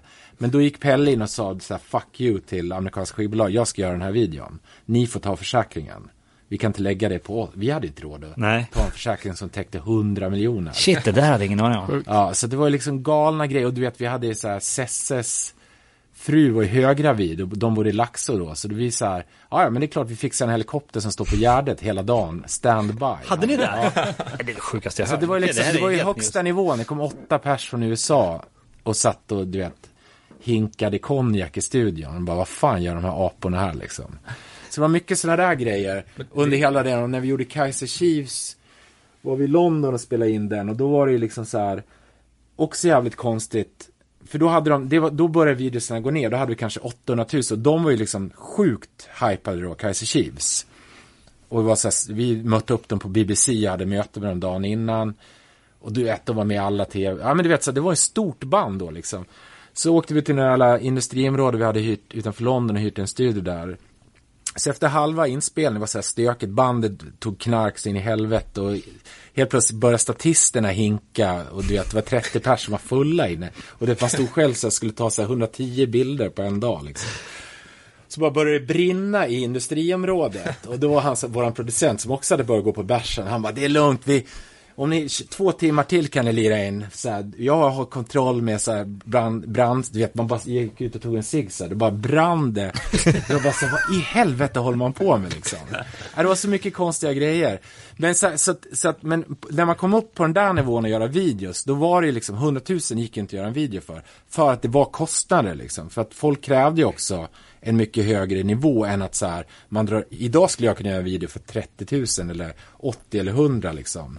Det beror på liksom hur man gör det, men så här, det är när du ska in med ett helt filmteam och göra grejer, då drar det iväg liksom. Det är pissdyrt. Men det gör ju det. Och jag sa 1,2 där på, på, på Home from Home-plattan. Ja. Men då var det, liksom- vi hade budget på tre, det vart ju för att det vart fyra videos. Då, eller, det ja, vart- för ni precis. Ja, eh, vi hade tre, budget 300 per video och det var en liksom det var en budget för att få en bra video. Det kostar så mycket att få en bra video. Plus att på den tiden var det att vi spelade, de här videorna spelades ju worldwide på stora tv-kanaler. Så man var ju tvungen att ha en bra video också. Ja, det var ju, absolut. ja, det var ju svin. det var ju bara så mycket det kostade. Och det är, liksom, det är ju inte millen själv. Det betalar ju liksom skivbolaget via våra royalties. Så går, går det runt sen i slutändan och så. Så, så bägge, bägge lägger ihop på det här liksom. Men det var ju den budgeten. Och sen de budgeterna, vet inte jag vad, alltså Pennybridge Pioneer så filmar vi ju två videos i USA. Flög dit ett team, filma på liksom 32, 35 mm Ja, liksom bara liksom flygresor och löner och filmen då som är 35 mm och framkallning och hela det där. Bara det liksom, jag fattar inte ens att det liksom varit pengar över till de som satt och redigerade. Sen, Varför det hade ni inte ett lokalt team då? Nej men vi ville ha en svensk liksom, det kändes, ja men han, de hyrde in, de hyrde in amerikaner. Ja, okej. Men det var väl åtminstone, kanske inte var så mycket svenskar när jag tänker efter, men det var väl tre, fyra svenskar i alla fall. Ja, men ofta gör man ju så. Jag har ju spelat in ganska ofta utomlands. Då hyr man, alltså då åker man med sig grundteamet. Ofta så här fotograf, regissör, producent och några till. Sen hyr du in, det finns ju så, här så kallade servicebolag runt om i hela världen. Så, så Så de sköter fix- gaffningen typ. Ja, men de sköter liksom allt från försäkringar till liksom fixa lampor eller vad fan, och kameror och grejer. Och så Just det där i, Så det blir det är så jävla, film är så jävla mycket folk. i en- ja och i USA, direkt, då var- skulle du lösa permits på alla ställen Ja, sen som har man... Fuck Union har det där i Ja. USA också, som inte går mörka liksom. Men du nämnde som hastigast Rolling Stones video som Ja, du också sa att du hatar. Berätta. Ja, nej men det var, alltså det var ju sjukt smickrande när vi fick så här, vi hade en, då hade vi en, man har ju så här representation runt om i världen när man jobba med film. Och då hade vi våran rep i USA, en, var en kvinna som hette Kathy Pellow, en jävla galning, som då reppade oss för västkusten, alltså typ, ja men det var ju, det blir ju LA liksom. Och då hade hon fått en förfrågan från Stones Management. Så vi fick ett mail vidarebefordrat från Mick Jagger som han hade skrivit till sitt förlag. Där han så här hyllade Hives-videon. Och sa så här mer eller mindre, vi vill inte vara med, vi kommer inte spela in någonting men vi vill ha en sån här video. Och vi var så här, fan vad coolt. Och det var ju så här sinnessjuka pengar vi fick för det där. Och då var det så här, ja men då ska vi göra, nu kan vi göra Hives-videon. Fast liksom på riktigt med alla förutsättningar. Vi behöver inte tänka på någon ekonomi. Och vi hade en, jag skrev ihop en stor historia som byggde på liksom referenser till hela deras karriär. För det var ju Fortelix-albumet som kom ut som är någon form av så här summering där de stod då för 20 år, eller 15 år sedan, eller 20 år sedan är det nästan. Som var ju, tycker jag, en av de bästa så här, videomanus jag skrivit. För, det, för jag älskade Stones under tiden då också. Så, jag, det, så det, för mig var det så här helt sinnessjukt att sitta och skriva grejer som jag Helt visste att sjukt. de skulle läsa också. Så gick det igenom, det var liksom hur allting skitbra. De bara kör på, det är svinbra. Sen började vi liksom, två veckor in efter vi hade filmat lite grejer så, här, så började vi så här. Det var ju samma sak som här, att vi filmade blue screen och sen skulle vi bygga alla miljöerna. Så. Filmar ni dem då eller? Nej, Nej, nej, nej, filmade de var inte ens med. De är inte ens med. Nej, de, nej. Ja. Vi hade live foot, eller vi hade bilder som vi klippte in i. Ja. Men varför, varför var, var de trötta? Nej, de vägrade. De, och de, jag tror att det berodde på att de var osams. De ville inte vara i samma, de ville inte vara i samma rum. Det är ju massa sådana här grejer med sådana här jävla superartister. Ja, i alla fall. Och sen så, så då, då liksom började vi skicka grejer bara, fan vi måste få feedback nu. Och hon bara, nej, nej, ja, vi fixar det, den här amerikanska då, producenten. Och så bara fortsatte det, det gick tre, fyra veckor och liksom hon var, hon bara, nej ni måste ändra färg, ni måste byta ut den där looken, ni måste du vet så här det här gillar inte amerikaner. Vi bara, men skit i amerikaner, vad gillar, det är ju för fan Mick Jagger som så här. Det är ju han och Keith Richards som är så här, som ska säga om det är bra eller dåligt. Hon bara, nej men jag vill inte skicka för det, de kommer slå ner på det här. Och, och, jag var helt vansinnig. Så vi gick från att någonting som vi älskade till någonting som såg för jävligt ut. Och då var det typ en vecka kvar innan vi skulle leverera. Så att, ja, så levererade vi något som så fruktansvärt, alltså den är helt bedrövlig liksom. På alla sätt och vis. Bara för att hon satt och liksom som en mellanhand och vägrade skicka iväg det till bandet och managementet. För de hade ju garanterat gillat det första vi gjorde. Som Fan, tråkigt det är, man måste nalla var på så här, såna grejer ja, alltså. Ja, för det var ju det. För det var Ja. så punkigt och coolt och Ja. hade en egen. Sen blev det bara så här, jag kan inte ens, jag får så här, jag mår fysiskt illa när jag Jag ser någon bil framför mig nu. Ja, Visst exakt. Ja. Men det är en roadtrip och så Ja, passerar det. de grejer som har med saker att göra eller du vet så här. Ja. Referenser till Paint Black, då är det någon, ka, någon, då får man se någon bil som så här tvärbromsar och den vita färgen åker av och så Ja. vidare. Ja men du vet det är massa så här, ganska Ja, coola ja, exakt, grejer. exakt. Jag, jag, jag, blev- jag kommer ja. minns att jag blev impad av när jag såg den. Piss, alltså. Fast det är ju alltid tråkigt när det har varit någonting bättre. Ja, för det var det. det. Jag tror det är svårt att fatta för att vi hade, alltså de första skisserna var helt magiska. Det hade ju varit bland de bästa Ja, fan trist. gjort. Sen har jag gjort många logos till företag, eh, Anna som inte har med musik att göra. Där man, där man har, de anlitar den för att göra någonting. Fast i själva verket har ju de själva någon supertråkig, jättebestämd bild i huvudet som man till sist hamnar in på. Så bara, det där vill jag ju inte ens sätta mitt namn på, här är fakturan i alla fall. Ja, det är helt sjukt. Ja, det är bedrövligt. Så var det med den saken. Ja, det var, men det var trist, Ja, kul trist historia. Men du har gjort en video till Stones. Ja, precis. Ja, det har jag gjort. Yes box. Eh, Just. Men om, om man frågar så här, vad, vad hämtar du inspiration i då, om man säger till ditt eh, musikvideoskapande? Jag menar, är det några speciella artister vars liksom, backkatalog av musikvideos som inspirerar? Eller är det film och litteratur i allmänhet som är liksom... I, Eh, eh, eller är det bara att du försöker skapa liksom någonting som ska passa artisten? För jag antar att man inte får lika mycket tid till varje video man gör som man fick i Stones-fallet liksom. Nej, det är sant. Utan ofta måste man komma upp, man är med ofta i så, så kallade pitchar där man då får liksom tre regissörer får förfrågan och sen så ska man skicka in och så väl, väljer de den okej, bästa så man är- Ja, och då har man ju ofta, då jobbar man ju dygnet runt i kanske, ja men det är verkligen dygnet runt i tre dagar. För det är ofta så här, ja men frågan kom på måndagen, på torsdagen ska de ha något, eller på onsdagen.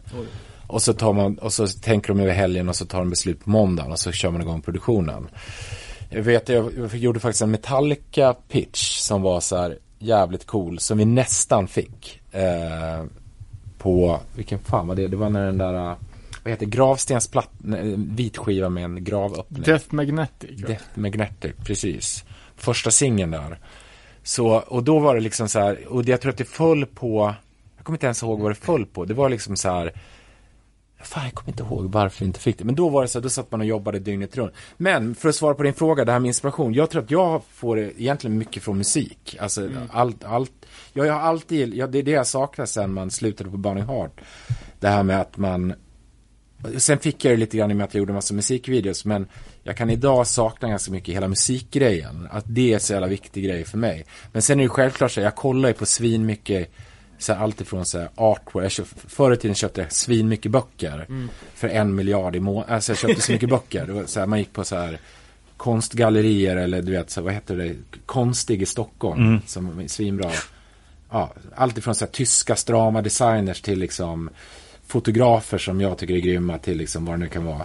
Och såklart kollar man ju på skivomslag och alltså man har alltid gillat tryckta grejer. Jag var ju den där snubben som tittade på Kalle Anka. Jag, jag gillar inte att läsa gjorde jag inte då. Så jag kollade igen men fattade ändå storyn. Förstår du vad jag menar?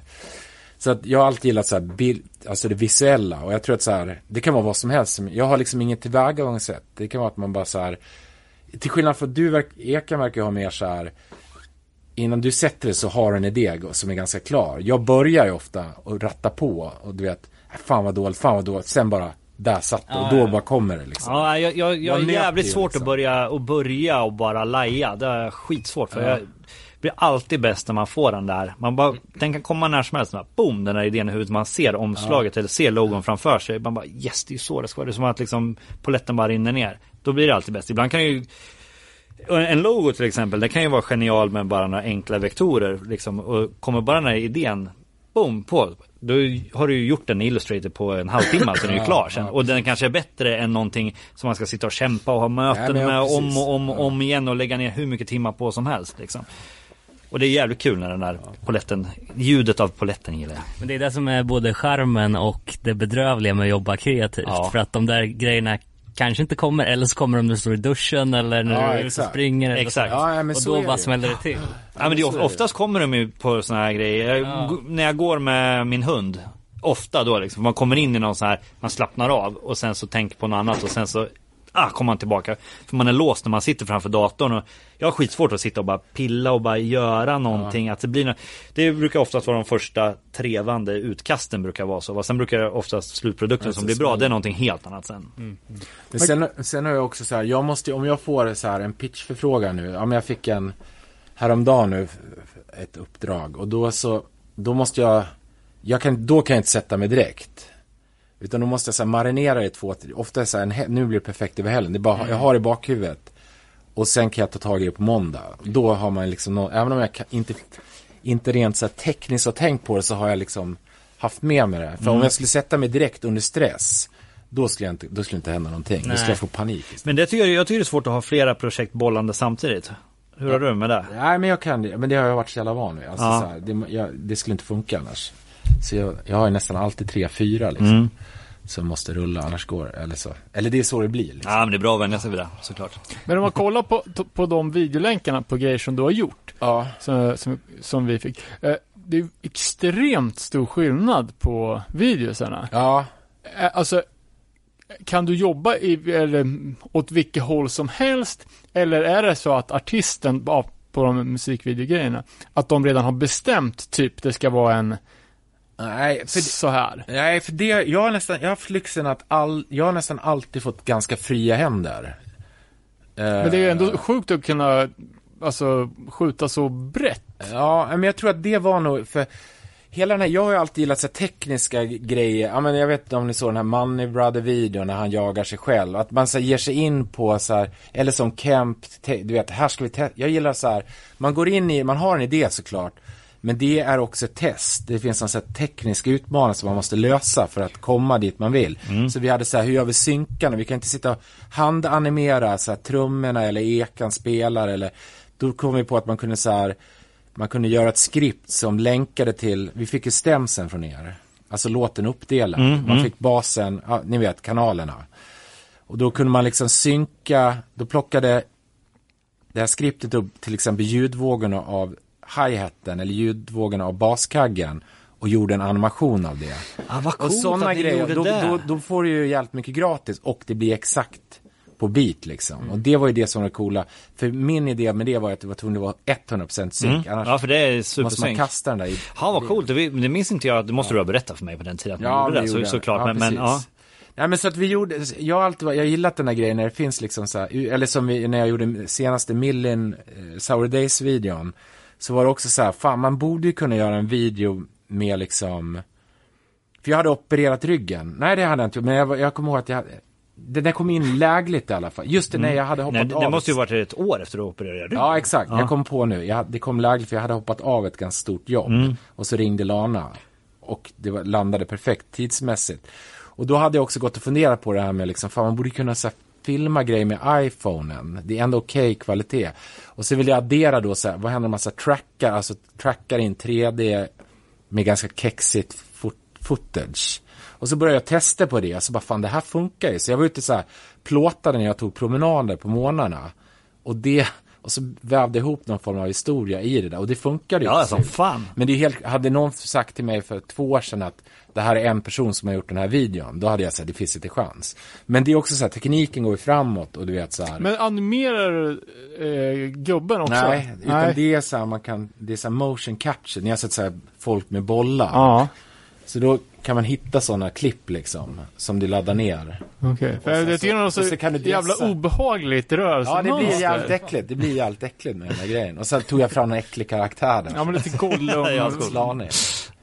Ja, nej men så att man, jag alltid nej men du vet man går in i någonting där det finns idén är en sak som är jävligt, ganska viktig, men jag tycker också att det är, kul rent att jobba när det finns en så här utmaning, oftast tekniskt som man ska säga. Ja men det är ju ascoolt det är ju väldigt coolt, ja, men som du gjorde den där, man, man inte riktigt vet om man ror hem det eller? Nej, Liksom- nej men precis. Det, ja, exakt. Ja. Man gillar, jag gillar ju när det är så här, nerven att man säger fan jag kommer bli fucked av det här. Alltså. Ja men det, Men det, det, det är när jag ger mig på mina animationsgrejer som är mils ifrån de avancerade grejerna du gör nu för tiden. Men ändå att man bara får, okej nu ska jag lära mig det här i, Ja. i, i, i After Effects, hur jag gör de här grejerna liksom. Och så får man liksom lista ut det. Ja, precis. Nej, men det går ju. Och det är jävligt kul när man kommer till de här funktionerna och bara just jävlar så är det, fan vad enkelt. För då kan du lägga ett script här som, ja, men ungefär som det här som man använder man kan göra waveforms och, lägga till punkter. Men du, du Erik, du pratar grejer. om SM, SMS, SOS-videon. Ja, exakt. Som var det 3D-animerat. Ja men det, det, är ju, det är ju 2D fast det är faktiskt första gången jag använder liksom 3D i After Effects. 3D har ju, både finns ju det här generella rendererings 3D att du skapar objekt i Photoshop nu för tiden och i After Effects att du har liksom 3D eh, pry, ja, men, eh, objekt som är runda till exempel, så kan du rotera det och så Ja, jag har ju sett det så jag vet. Ja, du såg ju hur jag Ja. gjorde. Ja, men, men fast det här är ju mera två, man, man sätter liksom som... Du kan jobba i plan. Du jobbar, djupet, ja exakt, liksom. i djupplan. Så du lägger som, det är ju som en sån här eh, dockteater liksom. Ja, att, det, att det skulle vara olika ridåer, eller vad man ska säga. I, För att och då, göra och då, djup, ja. då sätter du ju som så här, där du ser, då sätter du ett skärpljud. Det själva bilden du ser, eh, lägger du in en kamera och den liksom, den eh, kan ju lägga olika skärpedjup. Så då kan du lägga ett skärpedjup på ett lager. Så blir det, så blir det det i fokus och då blir det andra blurrigare, blurrigare, blurrigare längst bak. Helt plötsligt har du fått som ett 3D-djup i, i det liksom. Ja, det är sjukt. Och det var sjukt faktiskt första gången jag höll på. Jag, vet- jag vet att det funnits i After Effects men, men jag har liksom inte 15 haft... år. ja, Om det inte, men jag, det jag har inte haft tid att hålla på med det. sätter sig och bara göra, det måste man ju sätta sig in. Nej men det var det jag tänkte, fan nu ska jag fan Ja men det ska jag, det var där jag kom på den här idén. Ja men då måste jag ju kolla upp hur det där funkar. För det var liksom min grundidé när jag kom på idén att det skulle vara i, i, i sådana skärpedjup. Och det var ju inga problem. Det är ju väl, det är väldigt basic bara man sätter sig in i det. Och blir ju jävligt roligt också för det blir ju som en helt djup värld man Ja, kan använda sig utav. precis. Och stoppa in olika millimeters brännvidd på kameror i det olika olika grejer. Och nu har, jag har ju den här världen uppbyggd också nu så jag kan ju väldigt lätt, jag gjorde ju några sådana här lyric videos till, till det efteråt också. Det är ju samma värld som jag bara dragit lite i färger och stoppat in en annan kamera på våran Twitterfågel och så vidare liksom. Det är jävligt coolt. Världen finns ju där i mina sparade projekt liksom. Ja. Det är ganska kul att återanvända. återanvända. Ja, men det är coolt. Men du Kalle, eh, vi kollar på eh, familjen-videon. Ja. Och likadant med den affischen som du gjorde till en eh, No Fun At All Prison Riot. Skändningen till Mudda där. Ja, Vad hände egentligen men, bakom scenen? alltså Jag, jag, jag, skändning till mudda, nu hänger jag inte med. Jag vet ju exakt hur... eh, nej men jag, kan bara inte se, eh, är de här grejerna mekaniska eller är allting data? Allt är data. Okej. Allt är liksom bygger jag, eller du kan köpa modeller, men du du sätter ljussättning och hela, det är det som, jag snöade in på hela den här grejen med 3D för typ två år sedan. Men förklara fa- familjen-videon, för jag kan inte... Ja, Det är så det jävla konstigt. snyggt där att göra alltså. Förklara, för jag kan inte sätta ord Nej på. men alltså det är egentligen, allting är som så kallad desktop-produkt. Allting är som familjen-videon och även de här grejerna jag gjort i Mikisklubben. Är ju allting skapat i datorn. Det finns ingenting som är liksom, jag har inte filmat. Fan besviken, jag, jag trodde du liksom höll på med att rulla kulor och... Ja, nej. Utan du kan ju, sen kan du ju liksom få så här, i de här 3D, avancerade 3D-program, inte After Effects som den enklare versionen av 3D som Erik snackar om. Utan det här är ju så här full on 3D som du gör Batman-effekter i, eller vad fan som helst. Men där kan jag gilla mer att jobba grafiskt i dem, att man har, du skapar liksom någon jävla skruvad värld som i familjen-videon. Och sen så kan du liksom, så ljussätter du den, sätter på material på objekt. Och sen om du, alltså det kräver ju ändå lite talang att man så här lyckas få ut de här renderingarna som det kallas så att de ser verklighetstrogna ut. Och där är också så här skap, jobba med skärpedjup. Alla, de här, fotorealistiska alla de här previewsen och allting, det är ju tidskrävande. Ja, det är, nej, men det är jävligt mäktigt. Men det går snabbt. Jag tror att jag hade fördelen att jag så här, lärde mig animation och After Effects från grunden. För då finns det en logik. För jag har ju bara lärt mig 3D via tutorials egentligen. Rakt av. Jag har aldrig gått, jag har aldrig gått någon filmskola i mitt liv liksom. För det ser ju ut som det är ett, alltså. någonting du har roddat upp med, liksom, med olika grejer som, som, som går på trådar. Ja, eller exakt. liksom, Ja, vad kallas det sån här maskin? Där man rullar en kula som sätter igång sig Ja, kedjereaktioner. de här, jag, vet, äh, ehm, jag vet exakt, äh, det heter någonting. Men sen- jag, jag kommer inte ihåg Men sen så fattar man att det är vissa grejer, liksom så här, stavar som är krökta och sånt. Och det Ja. fattar man ju att det, att det inte går att göra. Ja. Nej, men Nej, den, men den, det- den där videon alltså, jag fatt, den är ju så otroligt imponerande. Att du har fått ihop hela det konceptet i huvudet. Och sen sätter ihop det och att det funkar i alla klipp där. Ja, men det var jävligt roligt att göra. Och det var ju också så här återigen, jag, då hade jag opererat mig. Det var, det var, jag började med en två dagar efter operationen och hade köpt ett ståskrivbord. Så det är schyssta mediciner. För det var första gången i mitt liv, på riktigt, jag var sjukskriven. Vad fan ska jag göra i en månad? Och då, Jobba såklart. nej men jag är dålig på att inte jobba. Jag tycker, ja, ja, jag gillar att jobba, jag har den lyxen. Så att då så hade jag snackat med Johan, jag lärde känna honom lite grann med en, en gemensam bekant för några år sedan. Och sen så visste jag att han hade släppt en skiva, så jag var så här, fan kan inte du skicka några låtar? Eh, skit i pengarna, för jag kommer ändå, alltså så här, har du någon spänn så absolut, men annars spelar det inte din roll. För då visste jag, jag kommer inte ha några kostnader liksom. Och sen så fick jag tre låtar och, han, och då sa jag så här, men då, då får du något om två, eller om en månad. Ingen jävla input från någon skivbolag och grejer. Han bara, jag är skivbolaget. Så då så fick jag välja mellan tre låtar, valde den låten och sen så var han pissnöjd när han kom tillbaka liksom. Men, då, men just den här grejen, att- för det var ju verkligen så, fan jag det där, så bara står man med tutorial i två timmar. Ah, och sen gör man ut det liksom. Och så, fast med sin egen take på det liksom. Hur många timmar la du på den där egentligen? Nej men vanliga arbetsdagar en månad. Kommer förs- Försäkringskassan ringa och kräva tillbaka. Ja exakt, ja precis. Jag tror inte de lyssnar på det. Vi, vi blipar. Fuck det.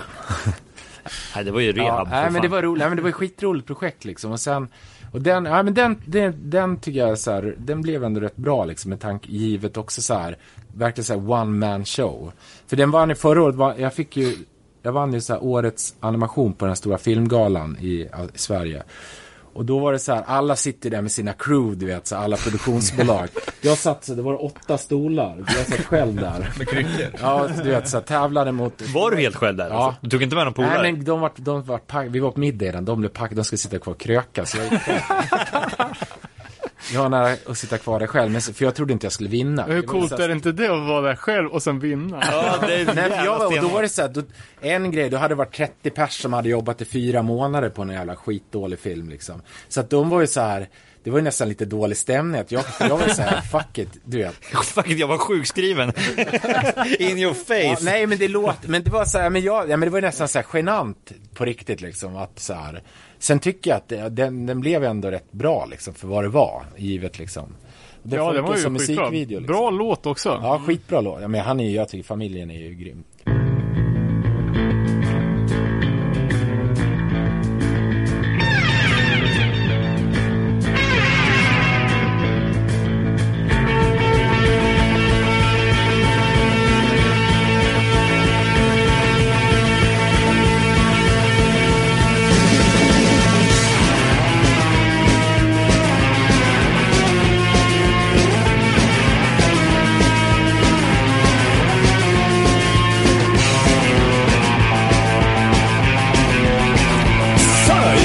To school for a year or two and you know you've seen it all.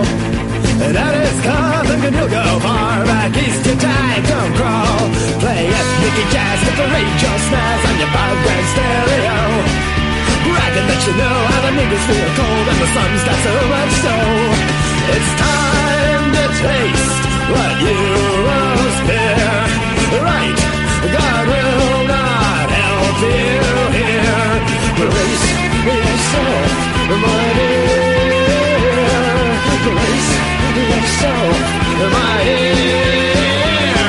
a holiday in Cambodia. It's tough kids it's. It's a holiday in Cambodia. Don't forget to pack a wife.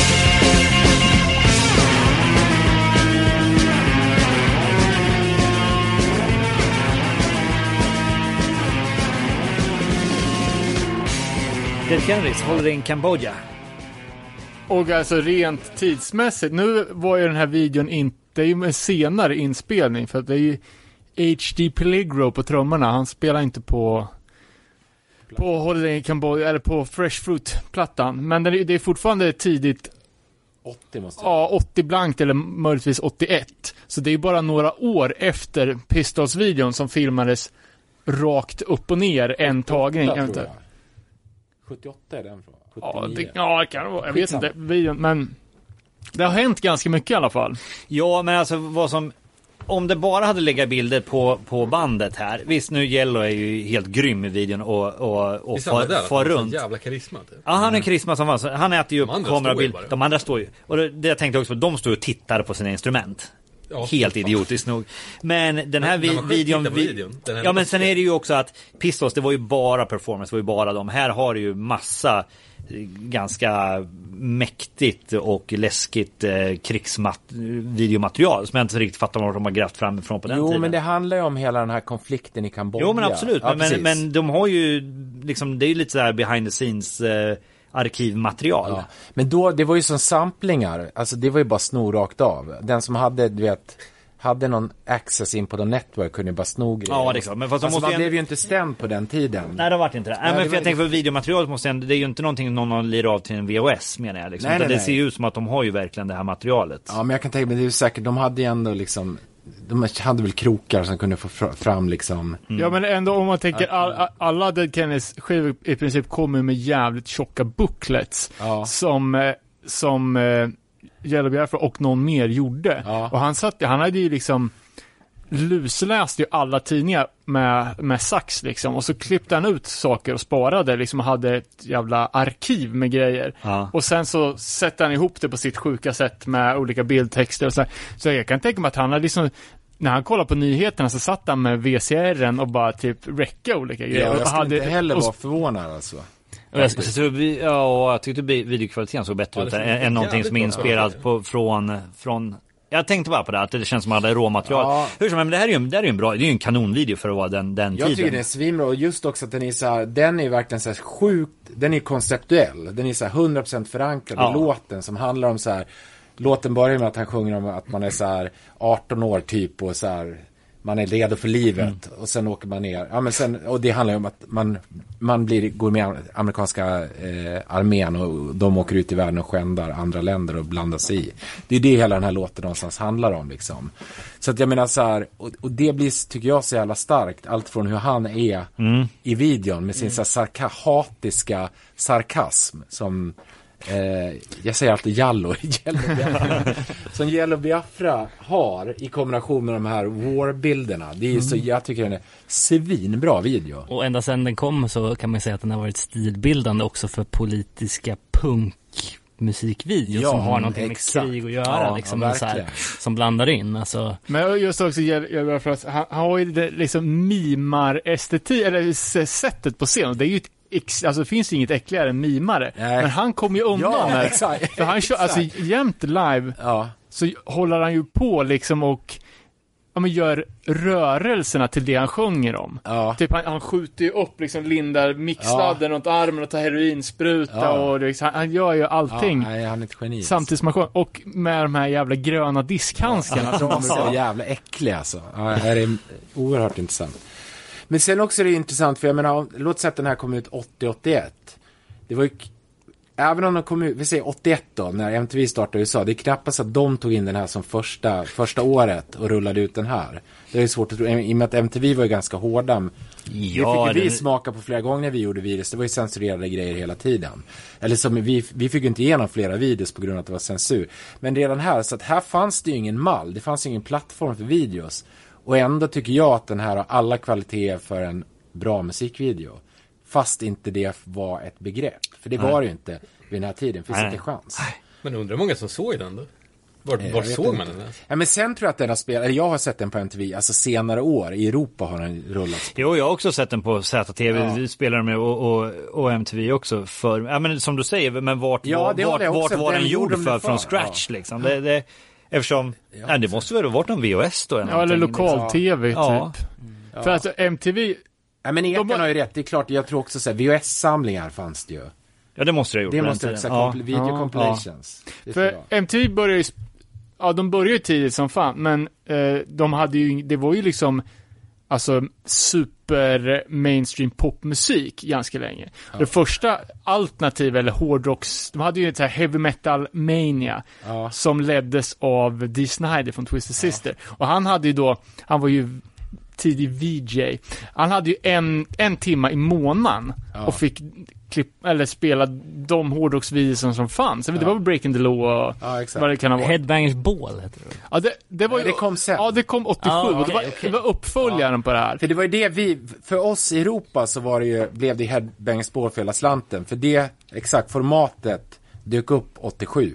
När de launchade MTV i Europa. Ja, okej, okej. och då var det ju uppgraderat till en gång i veckan. Det var ganska långa program. Fan. Vanessa Warwick. Ja, det var ju precis, det var sent som fan. Och så hade man gåshud så man inte kunde somna. För det var ju så här, det var då man började rulla ut så här creator och du vet. Exakt. Sepultur, ja nu ska vi prata. Triple Trash Treat. Nej men alla de här grymma Suicidal Ten, alla de här coola videosarna dök ju upp då liksom. Men Suicidal är ju också ett jävla, alltså jag vet inte, de var inte, var de så jävla stora? För de har ju jävligt påkostade grejer. Ja, det reagerar jag också på att de, de här, det är ju verkligen, det här är ju filmteamen bakom deras, eh, deras videos. Ja. Och Skate och de här. Det- det liksom- Men jag har en story, vi kan ju vänta till vi kommer ner dit, för jag har en story nämligen. Ah, shoot. Ja, En men, men, men om, ska vi ja. bocka av här? Vi kör ju lite efter en lista. Då går vi in på Black Flag, TV Party och, och eh, Misfits där samtidigt. Den tycker jag känns som en så här, t- för den, den är producerad 82. Också jävligt tidigt. Och den tycker jag känns som en så här, en förlaga till Fight for Right to Party, som är den så här officiella... Verkligen. Äh, Beastie Boys, jag menar de är ju sprungna ur punken någonstans, sen är de ju hiphop, de är ju liksom både och. Men, men jag menar, de, de äger ju den, det konceptet, fast det, det finns ju flera andra band som har gjort det, framförallt Black Flag, men den här bara hänger i en jävla lägenhet och är risig. och den här är så här, den är jävligt stim, den har inte så mycket att tillföra heller, rent så här, till ens intellektu intellektuella del av skallen liksom. Nej men här, och det är det, låten är här- handlar om. Den, den handlar ju Ja. om att vara hjärndöd och sitta, Ja, sitta i couch soffan. potato-grejen. Ja. Bara sitta och hinka bärs och bara kolla på skatefilmer. Den är ju helt, den är helt gjuten för låten och för vad det är. Den, den, den är ju, Ja, jag älskar Den är helt perfekt för vad det... Misfits-låten? Va? Misfits? Nej, Black Flag-låten, TV Party. Ja, Misfits-låten, den, den, ja, den är ju Brain Eaters. De blir serverade lite hjärna och sitter och munchar. Och det är också den enda videon som Misfits har gjort. Det är ju Alltså världens mest konceptuella, alltså de, de har ju så jävla tydligt utstakad grafisk profil. Som lite Ja, seriös. alltså, det Ja, ja, det är det. Ja, det är riktigt risigt. Men det är en jävligt rolig grej. Det är en snubbe som heter Rick Minello som har regisserat. Han är väl så här screenwriter idag. är TV-party? Ja. Ja. En så här usel screenwriter. Blev, det här väl i mitt tycke det bästa han har gjort. Precis, det var en som Men som- regisserade men det här alltså, på, på, på riktigt TV Lyssna på det här. Rick Minello är enligt Rick Rubin, det är alltså Rick Rubins mentor. Nej. Så det är han som har liksom gått in och regisserat den här. Det är jävligt coolt. Jaha, och fan. Och jag kan inte ens tänka mig att Rick Rubin har en mentor. Han är ju för fan... Han är ju en mentor. larger than God. För- Ja, men jag är ännu mer förvånad att den, att den på riktigt har en, eh, har en regissör. Ja. Nej men vad fan, det, det står ju eh, Glenn Friedman på, som regissör efter, eh, efter texten. Är det så? Ja, vad gjorde den här snubben sa du? Han, den här, den här Minello, Ja. Han är tydligen någon polare till Rick Rubin. Ja men i videon alltså, vad hade han för... Regi, regi. Jaha. Mycket märkligt. Ja, det där måste vi dubbelkolla. Det får vi, det får vi gå in på sen och kolla. Fan, mycket märkligt. Och just det här couch potato, det blir couch P var ju ett, ett jävla burning heart-uttryck. Ja, exakt. Som betyder... Vadå? Det... Förkortning på couch potato. Man får- potato. Jävla couch P. Ja, men och, vi, bra liksom. och det där Movie Age-grejen gjorde vi en bite på från den videon. Och Movie Age var ju ja. en videosamling, Burning Hearts Ja, en videosamling. video compilation, precis, exakt. Som vi då, ja, som släpptes någon gång, när kan det ha varit? 80, nej 98, 97. Ja, jag är osäker. Jag kommer inte ihåg. För jag, jag kommer bara ihåg plåtningen vi gjorde med så här, där vi slängde in, vi, vi hade en så här sunk, det var faktiskt någon, våran första replokal, det var så här mögelhål. Under en jävla bro vid centralen fanns det en replokal. Nere vid tågstation. Ni vet den här bron som går Ja. under där, så gick man in, Repar ni där? ja, i en äcklig mögel solkelokal. Åh fan. Mjersko hade haft den där replokalen tror jag. Ja, Det var fullt av så- mögel och stank mögel och soprum. Var det på postsidan om tågstationen? Ja, exakt. Ja, det var det stationen hade jävla, sitt... Det var som ett skyddsrum. Så dukade vi upp det där in med affischer och grejer och sen hade vi tagit, jag vet att Jallo var med, Matte Färm var med och några till. Och så hade vi återigen gjort misstaget, vi fanns ju bärs där och vi började plåta vid så här 11 rycket och det var ju ett helvete, de var ju helt dyngraka du vet. Och vi höll på att spendera två timmar så sönder någon tv som skulle vara med. Och, äh, det, var, äh, det var riktigt stökigt. Skitsamma, en parentes. Men vi bajtade den i alla fall, för vi tyckte såklart att det där, hela, hela, hela den här Black Flag-videon var ju bland det coolaste man hade sett någonsin. Och i, på konceptet Ja. Couch Potato, apropå det.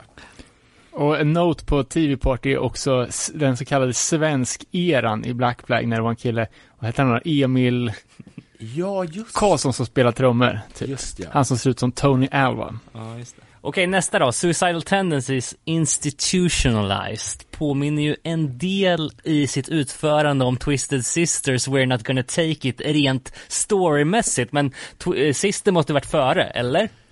Eh, bra fråga, jag vet inte. Den här är ju från 83, första Suicidal-plattan, så det är ju hårfint. Där. Det måste ju vara ganska samtida. Ja, det är ganska samtida tror jag. Jag vet att jag skrev ner det någonstans när I Men wanna rock Stay hung. Hungry kom ju 85. Ja, nej, förlåt, det var inte meningen att sätta myror i huvudet. nej, nej, men men det var det är en intressant. Ja. grej. Det är intressant, för det är hela den här grejen. Den bygger på det här klassiska, du vet, den här familjära situationen med så här krångel mellan farsan och grabben. Och fa- grabben bara 'fuck you' när han har dragit. Men han vågar inte säga det i facet, utan han gör det sen när han sitter själv på pojkrummet och bara så här. Eller vad det nu blir liksom. Jag blandar ihop de här med Process to Skate också. Men det är samma liksom, båda de två är ganska lika de videosarna. Men det är de ju verkligen och det, det är ju det är liksom den tiden så här, så här ungdomsrevolt. Ja. Fast det, är ju- det är ju, fast det är ju väldigt tydligt att här finns det ju budget liksom. För det här Ja. det är ju massa scener, så det är ju manusskrivet Ja, det här ordentligt. exakt. Det här, det var ju ingen billig historia det här. Nej. Men nog för att det blev, alltså jag tror det är någon gång, eller fortfarande världens mest säljande independent-släpp. Men den är fortfarande släppt på Frontier Records som en tjej som heter Lisa någonting hade, som hon hade själv liksom. Och det var den som finansierade, ja fan är det som kommer, kommer efter där, men alla följande plattor typ. Ja men det, det är ju, det är ju den eh, med s på. Som kommer efter. det? är det så jävla mycket IG? ja men det är su- Ja. Circle Jerks. Ja men alltså alla Frontier Records-grejerna. Jaha, du snackar om det. Jag tror, jag tror du snackar om, uh, ja sorry. Ja, det är Circle Jerks. Adolescence. Ja, det finansierade där. Ja, men jag var helt osäker. Jag tänkte bara, bara bli snurrig här. Tänkte bara suicide slä- släpp. Men det där blir åter ett klipp. Men det är också kul i den här videon att de i de första fe- fem sekunderna eller vad det är får in en stärkare på en skateboard. liksom, det är så jävla liksom, vi måste ha det här. Det känns som att, Ja, men det är lite så här snällt crazy, så här alla high school. Det, de, för man tänker så här, Suicidal Tendency, jag tycker de ändå har varit ett ganska coolt band. Men de här videosarna tar ju lite ner coolnessen kan jag tycka ändå liksom. För dels är det som Ekan var inne på, det är rätt lyxiga produktioner. Det är ju det är riktigt så här, så här filmskapande. Det är inte så här, jag menar det är inte så här några dudes som har gått ut och gjort en, en musikvideo. Utan det här Nej. är liksom på riktigt och det är så här skådisar som är castade. Men det blir ändå lite så här cheesy och jävligt Det amerikanskt. Ja, det blir det verkligen. Och sen, Ja, sen är ju de här låt, den hardcore på den tiden, det är ju, han går ju runt och rabblar, går ju runt och pratar liksom. Det är ju en annan typ av musik också liksom. Han ser ju så jävla ung ut där. Ja men och sen tycker jag nästan, det blir nästan att så här, Mike Muir var ju ganska cool på den tiden. Men i det här forumet blir det nästan lite så här retarded som går omkring så här, går och pratar, han ser blyg ut. Ja, jag hade inte sett den så, videon så på att det blir åratal liksom, tyvärr liksom, in, han framställs ju inte i bästa ljuset liksom. Nej. Men det finns, förlåt, det finns en jävligt rolig detalj i den här också. Tom Raya är ju med i videon. alltså, Ja, G- Nej, men jag satt och kollade lite grann. Han är med vid 0.35 dyker han upp och ger honom en axel när han går, när han går och synkar i kameran. Alltså jag hittade det till själv, jag läste, jag såg det på något Jävlar. forum där de hade Aha. skrivit, där de hade så här spottat olika bandmedlemmar i andra bands videos. så det är helt roligt, en ung Tom Raya Fan coolt. som går och dissar Mike Muir. och hur fan ligger det här till i, i Slayers karriär då? Det måste ju vara 84, eh, måste jag tänka här. Ja, men att du googlar kan jag säga, har ni, har ni, har ni, har ni sett uh, Body, body Counts uh, Institutionalize? Har ni sett den ja videon? men det var länge sedan. Menar, alltså, det han- den- Hans jävla... spela Playstation. Ja, Ja, det är och så, och så freakar han på att någon så här, han så här, inte, inte får någon login på nätet och Just grejer. Bara sitter och är gubbe liksom. Det är ju jävligt roligt. Jo, men Slay, Ja, det jävla... Slayer ha, hade ju då precis släppt Show No Mercy och satt och skrev på Hell Awaits som kom ut året efteråt. Så, men jag tror att Tom visste redan då så här, fy fan vad vi kommer bli större än er. Och vi kommer göra världens längsta avskedsturné. Ja, som, som bara pågår och pågår.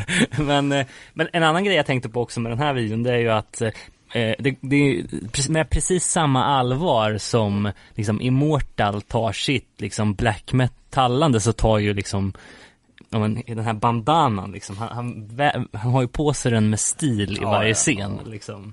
Och tar det på fullaste allvar. Även fast man nu kanske man kan garva åt den, men när det kom, då var det ju det hårdaste. Liksom. Jag tror, jag tror att de, de var så helt enkelt. Det, Ja, var, det, den, det var det, den säger, stilen. det säger de ju, alltså, vi- det, var, det var så här vi, vi klädde oss innan vi spelade ett band, det är så här vi Ja. fortfarande klär oss för att det är så här vi lever, typ i Venice. Ja. Men de var ju, det var ju, just den Venice-klicken var ju liksom gang affiliated personer som man tror ska vara livsfarliga, som har ändå den självdistansen och kunna göra en sån humoristisk video. Det är ju lite Mm. Ja, jag håller med dig. Ja, precis. Ja, men det tycker jag också, man ska inte bara dissa det där. Alltså det jag sa nyss att så här, de kanske inte känns lika coola, men jag håller med. Det är ju också så här, man får ju respekt för ett band som kan kliva in och göra det där.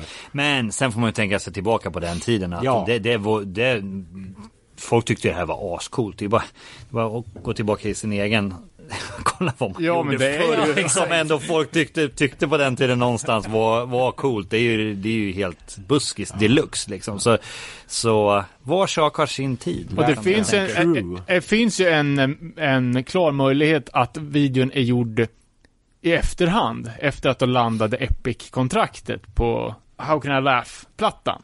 Det, Att är- de det är ju mycket möjligt för att alltså, det är ju svårt att tro att ett independentbolag hostar upp där och även har de medlen att eh, liksom få ut den här. För den, den här känns ju som någonting som verkligen satsades på och spelades liksom.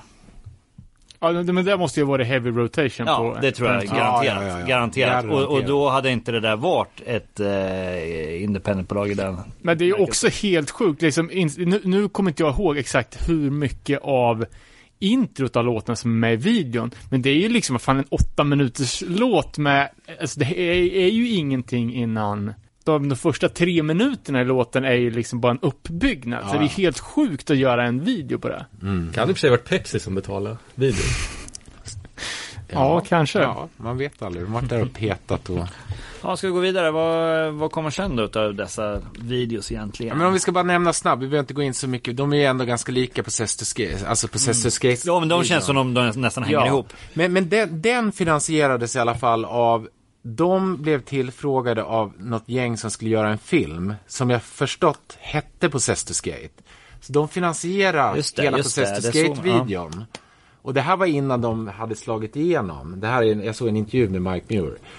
Så att han var så han sket fullständigt i den här jävla filmen och den floppade totalt. Men de fick ju dels bud- eller videon finansierad och de fick ett jävla uppsving för den här dök ju in på MTV som en jävla räkmacka. Ja, ja. För jag kommer ihåg den här, gick ju som ett jävla... Men vad, är den här före eller efter? Det är 87 kom den här ut, så den är efter. Den efter, ja. Precis. Men då gjorde de så, för det ser det som filmkvalitetmässigt så ser det ut som den är gjord av, på samma utrustning. Ja, det ser ut så Så exakt. då, är- då, då de fick de säkert en twofer liksom, Ja. att de blåste av en gammal hit. Ja, men, Ja, alltså, exakt. men vi vet vi när Institutionalized filmades verkligen? Nej, det vet vi inte. Det kanske är Den samma. kanske- ja. menar, eh, som vi snackade att det ja, det kan inte... ju, precis, det kan ju Ja, vara de- så, för, precis. Ja, de kan ha gjort dem i samma veva. Och då är det mycket möjligt, fast den är inspelad tidigare kan de ju till och med ha filmat den efter De ju- Skate. Ja, de känns ju extremt liksom Ja. samma era. Och Verkligen. Det känns inte som, ja precis. Men sen är det alltid roligt i, på Sessi Skate, pappan där, för den, där är ju väldigt tydligt Twisted Sister-intro. Och jag såg förresten att Twisted Sisters video kom ut 84. Då är den producerad. Mm. Men så är det, pappan är alltså den här gamla LSD-gurun Timothy Leary. Han som gjorde en massa experiment på Harvard-studenter i USA. På tidigt 60-tal. Vad är det där med jävlar. fängelsevakter och fångar eller? Nej? Va, nej, nej, eh, eller vadå? Eller är det, vilka, jag tänkte att det var han som hade gjort Eller det enda experimentet jag har hört talas om, så jag tänkte om det var samma. Det här när de stängde in typ 14 eller 15 elever någonstans och sen var hälften fångar och hälften var fångvaktare. Men det Nej, nej, det tror jag är ett senare experiment. Och det, för det, det har ju funnits flera sådana LSD-professorer. Ja, okej, okej, okej, okej. Och det här var en av de första, och han åkte dit för han fick sparken från, vad står det, 62 fick han spark från Harvard. Men han hade då så här från tidigt, eller sent 70, eh, så egentligen under tre år hade han liksom så här gjort experiment på de här eleverna. För LSD var ju inte olagligt, det var ju ett preparat. Men han insåg att det hände grejer i skallarna på de här. Och sen dök det här upp och nystades upp och det slutade med att han fick kängan direkt. Shit. Och 25 var år senare portad dök från han alla universitet for the rest of... Det kanske var därför han hamnade i State-videon. Han behövde deg. Hyran ska in. Fan undrar om han blev någon slags så här legend då Ja, men det, jag tror att det eh, finns filmer gjorda om honom. Jag tror att han har Faktiskt. dött dock. Och det finns dokumentärer. Ja, han är död. Ja, han är död. Alltså det, ja, men jävligt roligt att det dyker upp Ja, så här fan, skeva vilken- personer här och där i de här videorna. Yes. Går vi in på 90-tal nu eller? Det vill vi göra. Ja. Ja. Eh, vad är nästa? Marauder kanske? Ja, det är bra. Master Killer. Eh, Ja men det är ju sån där, alltså det är jävla bra och hård låt, men sen när man kollar på videon, bara mm, stenhård. Ändå som man börjar kolla liksom detaljerna. Och det här är ju också en, alltså med hardcore-mått mätt, budgetvideo. Ja, ja, ja. Eller att det finns, Hög det finns budget. hög budget. Ja, verkligen. Absolut. Och den är ju släppt av, det är ju Century Media som ligger bakom. Eh, men just den här, alltså, Marauders grafiska profil är ju någonstans i samurajens tecken som finns på Master Killer-omslaget och med kaststjärna och allt det här. Men just de här killarna som står med nunchakos och Ja. kör, liksom, de är ju så tagna från, vad hette han, Ninja Mange? Ja, exakt. Rockborgens scenvakter liksom. Han har säkert gjort en del av, av, av vad heter det, interiör, eller inte interiörerna utan, vad heter det? Nu står det helt, oh. Skitsamma, vi klipper det. Ja men det är ju inte interiör. Exteriör. Ja, Nej, men till, eh, Props, alltså propsen. Ja. ja De stora klockorna. Ja, exakt. Ja, men det ska man undra liksom vad de har, om de har liksom, om Jorge har stått i garaget och så här spikat ihop den här tronen själv, eller om de har ropat in på någon loppis eller, kastrull till en... att det är en sån här jättestor gongong. Han köpte Dregens tron. ja, exakt. Men all sån så här tough guy musik, det är så jävla svårt att se tuff ut på video. Det är skitsvårt och det, och det är ju som alltid liksom, du står där med din gitarr och du ska liksom göra det coolaste du kan. Trumsen ska liksom när, alltså det Det har gjorts i så jävla många tappningar så det är helt sjukt. Här är ju början ändå liksom. Det här är ju, rätt okej. Här har det inte gjorts så sjukt många gånger liksom. Nej, fast det har gjort det. För jag började kolla. För jag var så här, fan vad jag, det här är så jävla bekant. Hela Ja. liksom hur det är filmat, vilka, vi- vilka liksom så här linser de använder. Ja. För det är inte, det är inte de här skatefish. fish- Nej, nej, nej. de Nej, det här är ju- det här är ju kom, vanlig- De kommer senare liksom. och Det är ju var- 50 mm Ja, typ. exakt. Och så började jag kolla, då bara så här. Jag bara, det är snarlikt något som jag har kollat utav bara helvete på. Och då är det från Headbangers Bowl, du vet, Sepultura. Om du kollar Rise-videon. Ja, det är samma- Exakt samma estetik. Ja. Du har så här, alltid ett svartvitt segment. Ja. Du har de här där de har bara gödslat in färger. Man bara, hur fan har de tänkt där? färgfilter som Ja, övar. sjukt mycket färgfilter. Och du har Creator, Betrayer och Slayer, Seasons in the Abyss. Alla de tre är egentligen föregångare till den här Marauder-videon. Alltså, Rakt av. Hur är filmen? Alltså det är så här nästan så att det är så här, det är bara en template. och kan Ja, och sen till. så kör de eh, hela, bandet för, eh, hela bandet tillsammans. Eh, sångaren kanske i t- tre olika, loca- olika bakgrunder som kan Ja. växla emellan. Eh, och sen så bara på basisten, bara på gitarr. Ja, eh, liksom. exakt. Och över jävligt manligt. Det, Ja. det kan inte bli, det, det är blod och bajs och damm. Det är så här, i ett jävla töcken alltså. Gärna i ökenmiljö. Inte i och för sig i den här. Men, Nej, här är ju ren, ren studio. ja. Det har man ju också som eh, när man bor i det här landet. Så om man ska filma en video, om man ska filma en video i, i Sverige liksom. Eh, utomhus, det går ju bara, det går ju bara förhoppningsvis under sommaren liksom. Annars ser det ju bedrövligt ut. Annars är det ju studio som gäller. Annars är det åka utomlands. Ja. Och nu är Här det ser du. Ja, ja, i och för sig. Om, om, om man nöjer sig, ja men exakt lite snö i grusgrop eller vad det liksom. Det, Ja, men då åker man ut till, snö, till gropen utanför Nacka.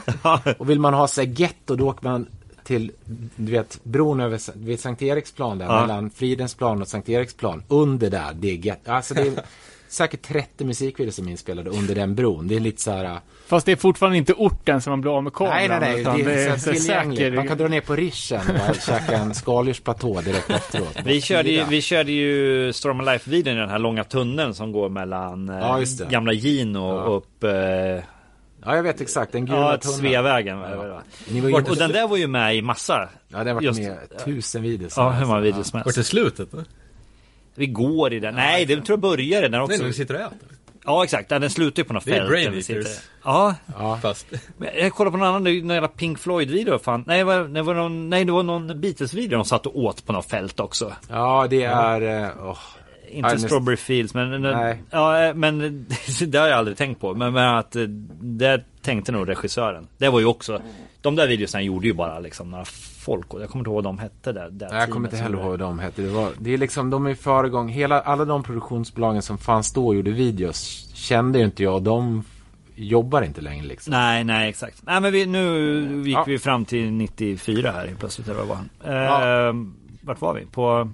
Eh, men vi kan ju gå in på Skate här, Pennywise. Pennywise, same old story. Ja, men det är ju en klassisk eh, Klassisk sån här Kalifornien punkvideo. De, de har en skatare som är helt okej men ganska rapplig. Men extremt surfig stil. Surf, sån här låg stil. Ja, väldigt låg men det- det fast jävligt duktig. Ja men duktig fast det ser Jo, men ja, alltså ja. den är Jo, jo, men jag är ju och det är lite ollies och sådär. Ja, klipp konstigt.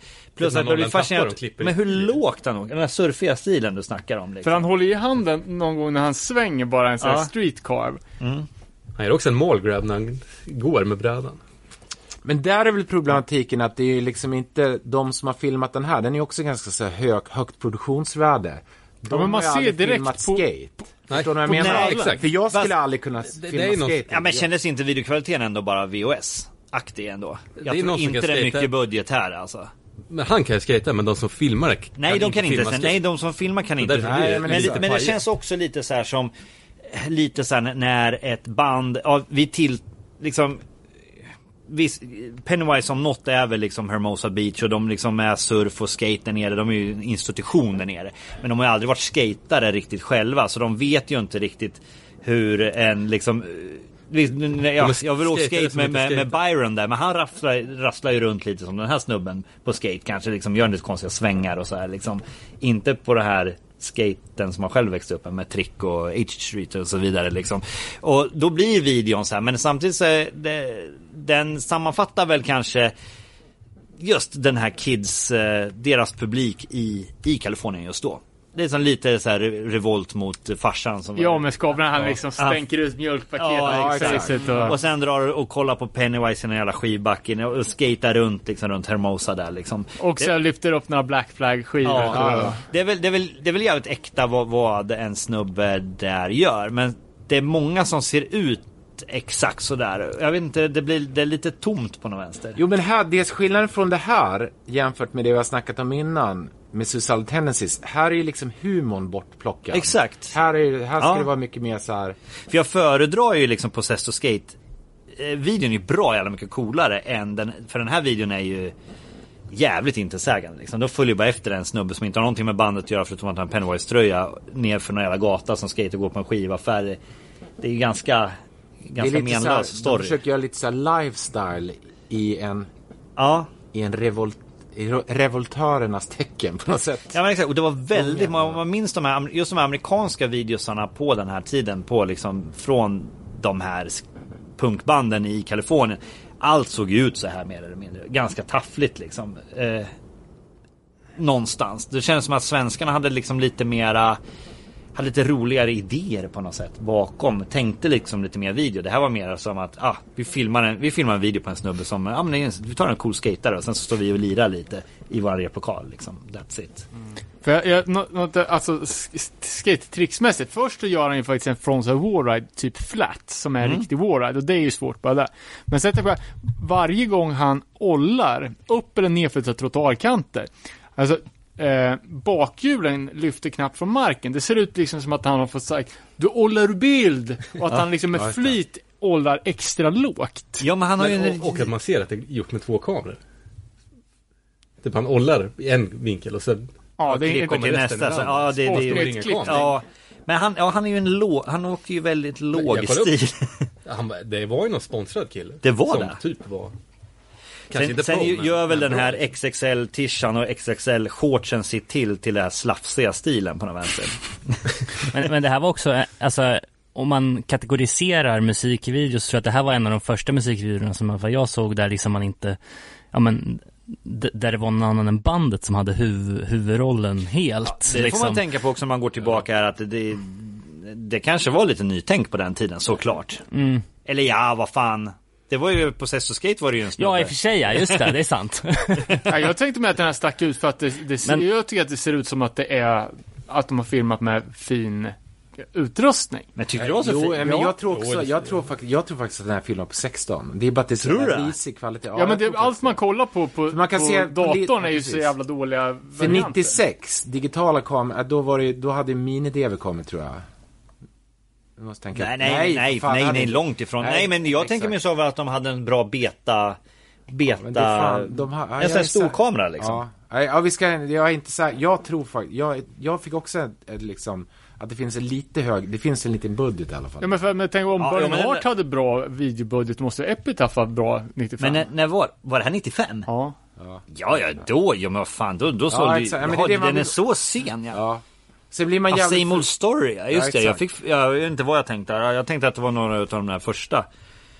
För man blir jävligt förvirrad av den här kexiga kvaliteten som videos har, alltså på YouTube, på grund av att ingen har originalen kvar. Men sen är det, alltså videon är, jag, jag tycker att videon är astråkigt klippt. Det är en Ja, ganska men jag håller tråkig video liksom. Ja, tyvärr. Och, och det är tyvärr det generella liksom. Det är svårt, alltså det är svårt med den här typen av så här, punk Men jag vet, jag vet att många har sagt det till, till oss så här eh, att fan ni svenskarna liksom kollar när vi vart signade till Epitaph och, och det plockades upp mer alltså europeiska grejer att videos var våra videos var så coola för att det Ja. var, hände oväntade saker, att det var annorlunda liksom. Att man gjorde som en ja, Det hände mycket mer helt enkelt. Deras videos, det var så här liksom. Och det, det är ju Det är en video men det är ju Inte så jävla kul kanske. För sen, om vi snackar dålig datakvalitet, får vi också tänka på att de videorna som gjordes, alltså när Burning Heart hade videobudget, de kollar ju folk på med en jävla tjock-tv. Vä- Alltså, Ja. det är ju så rutten bild så att det är helt sjukt. Ja. Ja, precis. Ja, men nu är det ju bara för att de är så här, ofta tror jag så här, de här har ju kopierats och alltså komprimerats så många gånger så att det är så jävla Det dåligt. ja, Var, var det grunden, själva skulle som du har lagt kolla- ut den då eller? Skulle du kolla på mastern på Pennywise, då skulle du verkligen, det är det man jag skulle säga ändå Ja vad säger det? är den Epitaphs här- egen eh, kanal. De tror jag nog har mastern. Ja, men de har ju gjort jävla, men de har ju inte uppdaterat det här på hundra år, förstår du vad jag menar? De slängde, det här, de la upp den säkert för tio år sedan. Nej, den har upp sen 14 så Jaha, ja. okej. Hur många visningar har den? Den har 3 miljoner vis- Ja, tre visningar. miljoner. Ja, intressant. Yes. Men Pennywise är ett jävligt bra Ja. band. Hur som helst såklart. Viktigt band. Viktigt band. When you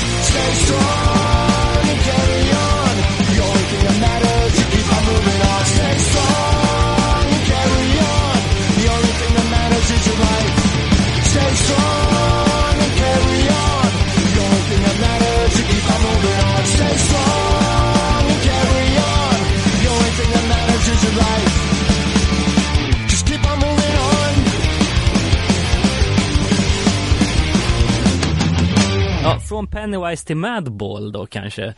Eh, Pride, jag vet inte hur gammal Freddie Madball är här, men han för sig ju 96. jävligt bra. Ja, jag, jag, jag fick det till att han var 19. Ja, okej, okej. Men det, det tycker jag alltså den svåraste uppgiften som frontman framför en kamera. Det är ju att sjunga utan att hålla en mick. Alltså det är, man vill ju ha en så stor jävla puffmick bara gömma hela facet.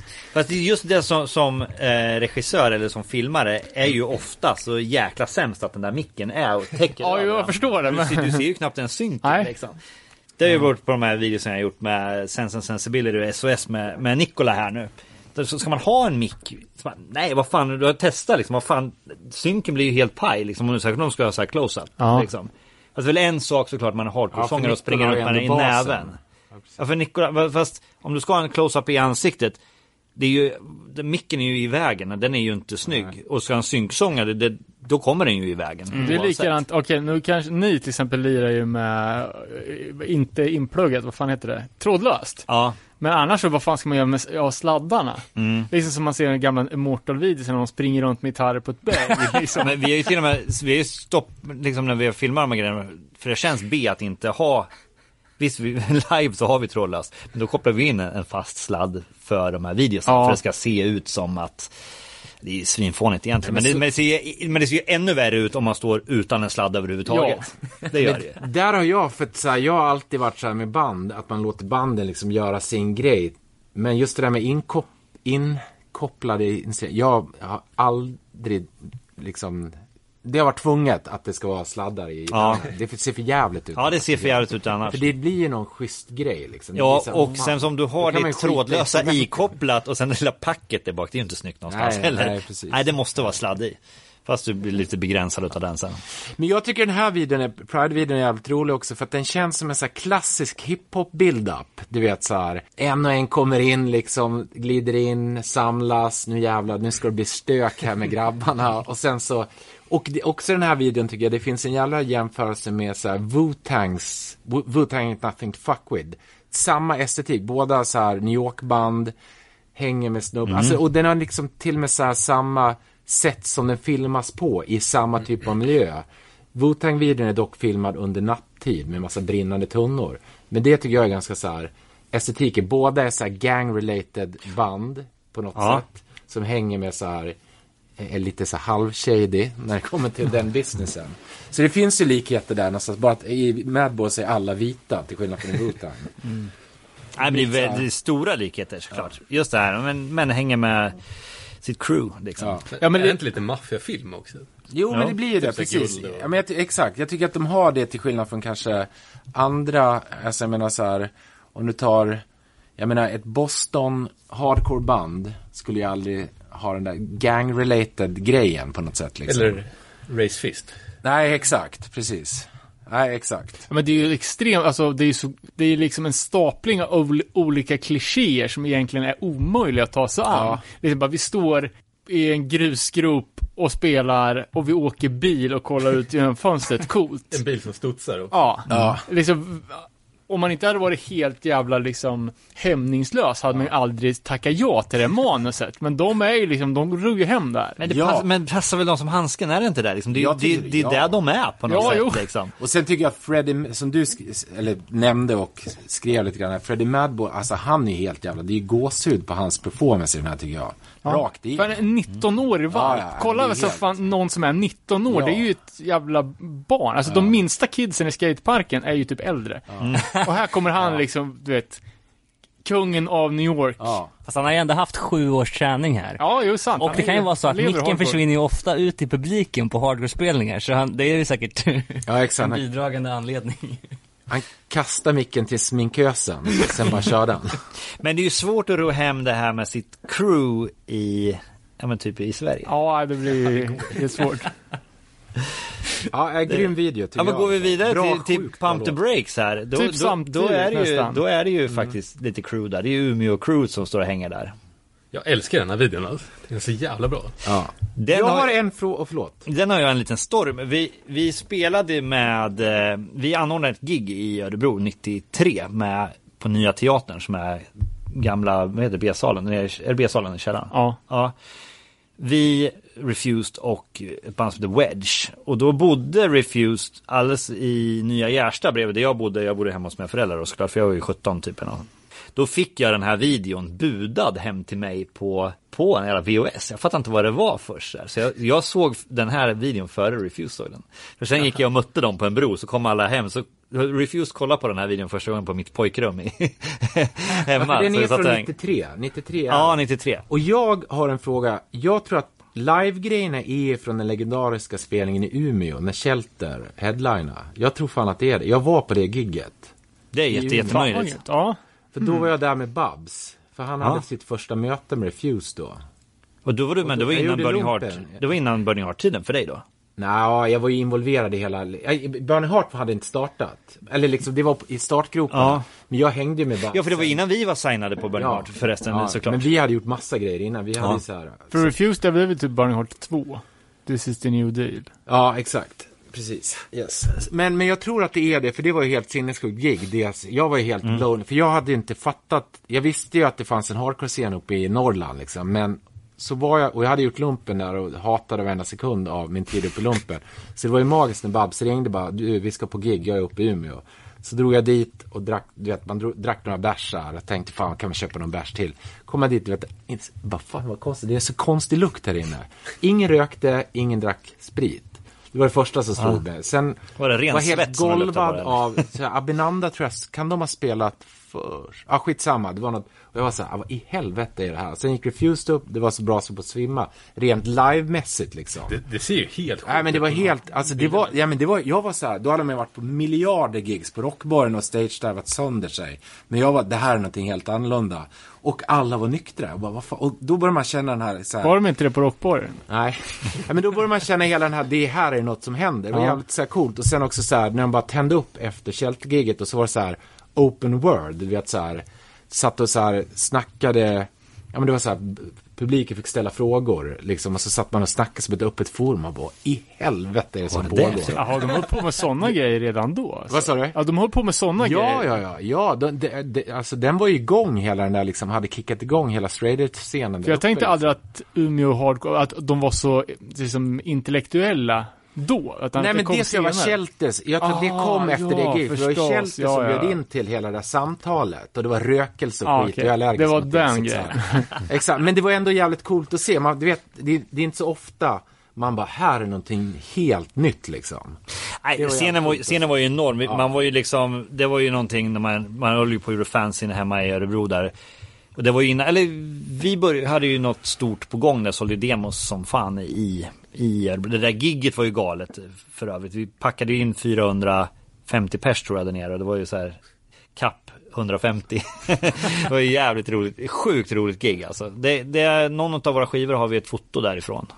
Jag kommer inte ihåg vilket. Men eh, Nej, jävligt bra. Eh, men, och videon är ju Videon är ju okej, men, men det var ju också, jag reagerade lite redan då på också att videokvaliteten är väldigt eh, beta. Ja, den är kexig. Ja, där. och sen så vet jag inte varför inte Dennis eh, agerar Nej, så det är helt- Han står ju bara och mumlar med, med, med munnen lite, det- lite, ser helt blyg ut. Det är, Det är som att han ser cool ut. Ja, för att sen så när han lirar live var det ju inte, då var det ju full on. Förstår inte varför han blev så restriktiv när det var en kamera. Jätte, jättekonstigt Nej, men och, och sen kolla kontrasterna, för live, då skiter jag i vilket format den är filmad på. Ja. Det är så jävla bra livebilder i den här som man Ja, ja exakt. på mitten. Men det här när de står och ska vara så här gäng och står och, och bara smårör. Det, jag, jag, jag, det måste vara någon anledning att han gör sådär. För jag tror inte Nej, han var det blyg utav sig. Men, Nej, men det det, måste- det ser nej. jättekonstigt ut. Säkert sett det på något, någon annan. Ja, det borde ha varit För något det, sånt. det, Liksom. stod, det ser ju liksom så här. Nästan fnissigt. Ja, för de står, ju, de står ju ja. och petar på varandra lite, skojar lite så här.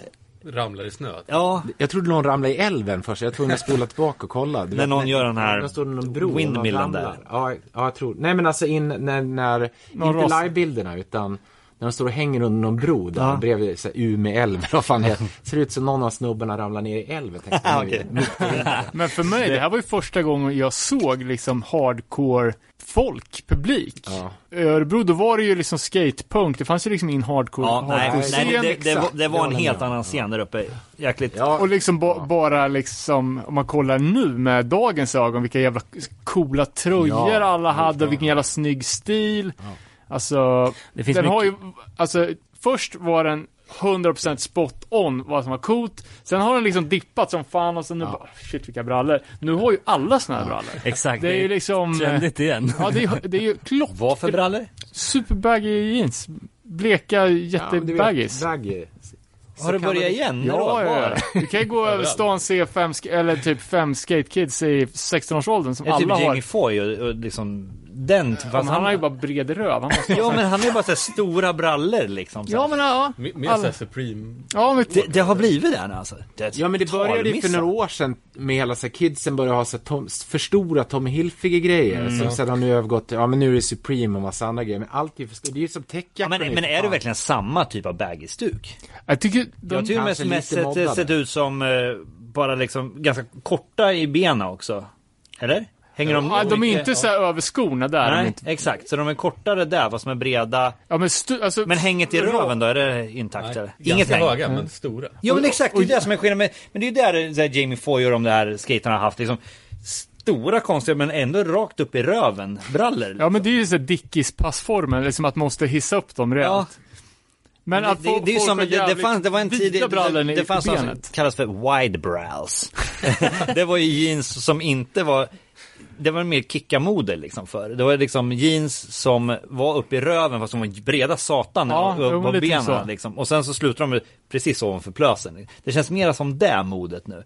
För annars var det liksom det var ju viktigt på den tiden var det ju liksom, det var ju bagger, det var ju halva röven skulle ju hänga ut. Ja. Och sen så hängde det ju pösigt som fan ner för skorna liksom. Man Ja, slet ju lika mycket på jeansen som man gjorde på dojorna när man skejtade i alla fall. Det är en sak som är säker. Ja, även de är kortare. Men jag, jag tänker lite mer psycho cowboy. Ja men exakt, men det är ju wide brows. Ja, men exakt, det är wide Fast liksom alltså. i blek jeans. Ja eh, men det också, det, det, och det var ju så här, som skatare på den tiden, det var ju den här pressure flip tiden man hade det där, alltså det här är ju när skateboard var jävligt ute i Sverige ett tag där, 91, 92 där liksom.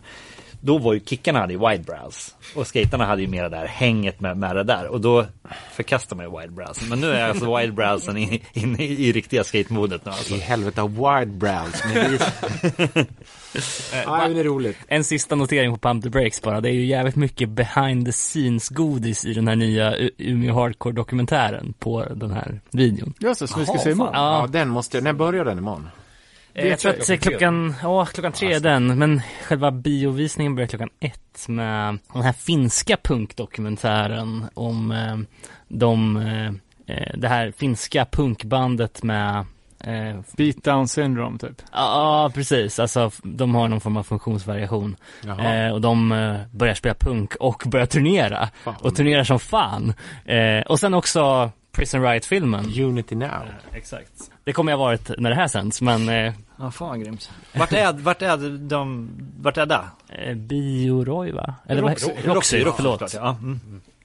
Sista grej också.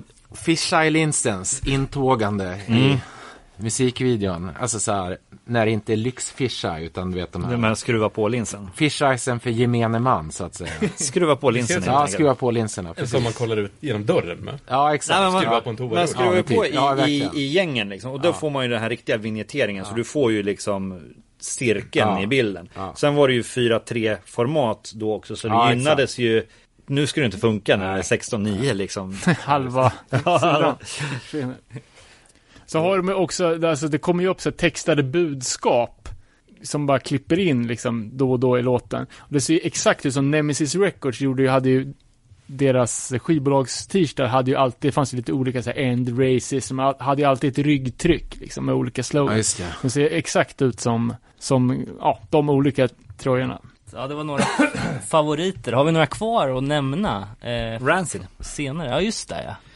Salvation. Det här är, Första ju, låten jag hörde med Rancid. är det så? Ja, något skate-sammanhang, något skate-klipp. Men, men där är ju roligt, där har vi varit, när vi har kommenterat det, det är många kommentarer på att det har ju blivit spring, det är en springvideo. Som var en i raden av spring, löpvid, Nofan har ju också en springvideo. Alla har sprungit. Should have known från 97 är ju också så här, det är någon jävel som springer planlöst bara. Vi, vi, vi i, i Penguins and Polar Bears springer ju vi alla fyra. Ja. Och så enas vi i en jävla gränd där. Jo men det kan jag, då är det Men- men- bandet det ett som jävla springer. springande. Men det, är jag den må- här, det är den här liksom John Doe som är ute och springer. Som är, vad, vad fan är det för karaktär? Ja, men exakt. Som, Det- som, de ja. knyter aldrig ihop säcken så här. Vad fan sprang den här jäveln för? Men det, Det är band, bandet spelar, någon springer. Sen finns det ingen, man får ingen förklaring. Men för mig är det nå- någonting som man lär sig på filmskolan. Ja. Eh, det ska vara någon springer för då blir det rörelse i Ja. filmen. Ja. Och så har folk det som go-to-grej. Jag tror att, eh, jag har för mig att Tim gjorde alla de här videosarna. Han, Okej. han ja, vi satt och pratade om det här jävla massa, han var i studion när vi spelade in Penny Bridge Pioneer, så då berättade han ju om, om de visarna. Han, jag tror att han gjorde nästan alla de här eh, Rancid-videosarna i i början. Och de är ju likadana allihopa. De är ju Ja, svartvita, är- folk som springer. Spela ett garage, snurrar. Ja, och lite såhär New York-miljö och sen så åker man lite i en bil och så gör man det. Det ser ju liksom, det ser ju jävligt genuint ut, men det är ju enligt samma mall deluxe. Det var därför vi blandade ju ihop eh, Time Bomb till och med, som är flera år senare när Toby Morse springer runt. Liksom, det ser fan likadant ut som Salvation. Det är bara att det är olika folk som springer liksom. Men s- la ni märke till det att, att de hade klippt om? Salvation? Ja. För den som jag eh, såg och ha, hade tänkt på, då är det ju löpandet. Men den som sen jag kollade på sen, hade de ju klippt, ersatt det generiska löpandet med olika klipp. Generisk dansande. Nej, ja men du ser swing-klipp på Ja, just det. old school ja, dans. Ja. Jaha, okej, Och okej. då jag antar att det är någon som har påpekat det, bara fan kom igen en jävla Ingen springvideo. spring, och så ja. har de typ klippt om den. Jag minns den att den ja. var så här. Jag vet inte fan. Men det har inte lagt så Men jättemycket vadå tid med, med dansen? Ja, den här Salvation. Nej, jag är inte heller säker på jag, jag vet att jag inte, att... För jag, den här kollar man ju, den här videon, det, det är ju en pissbra låt. Jag Ja. menar, Ja. Från den skivan. Så man dyrkar i allt med, med som kom ut därifrån. Så jag har sett den här 200 gånger. Jag också för, jag, nu när jag kollar på den här så är inte jag säker heller på att jag känner igen de där Nej, jag känner inte igen dansen. Och det är ju sådana här stockshots som man köpt in liksom, som man kan köpa.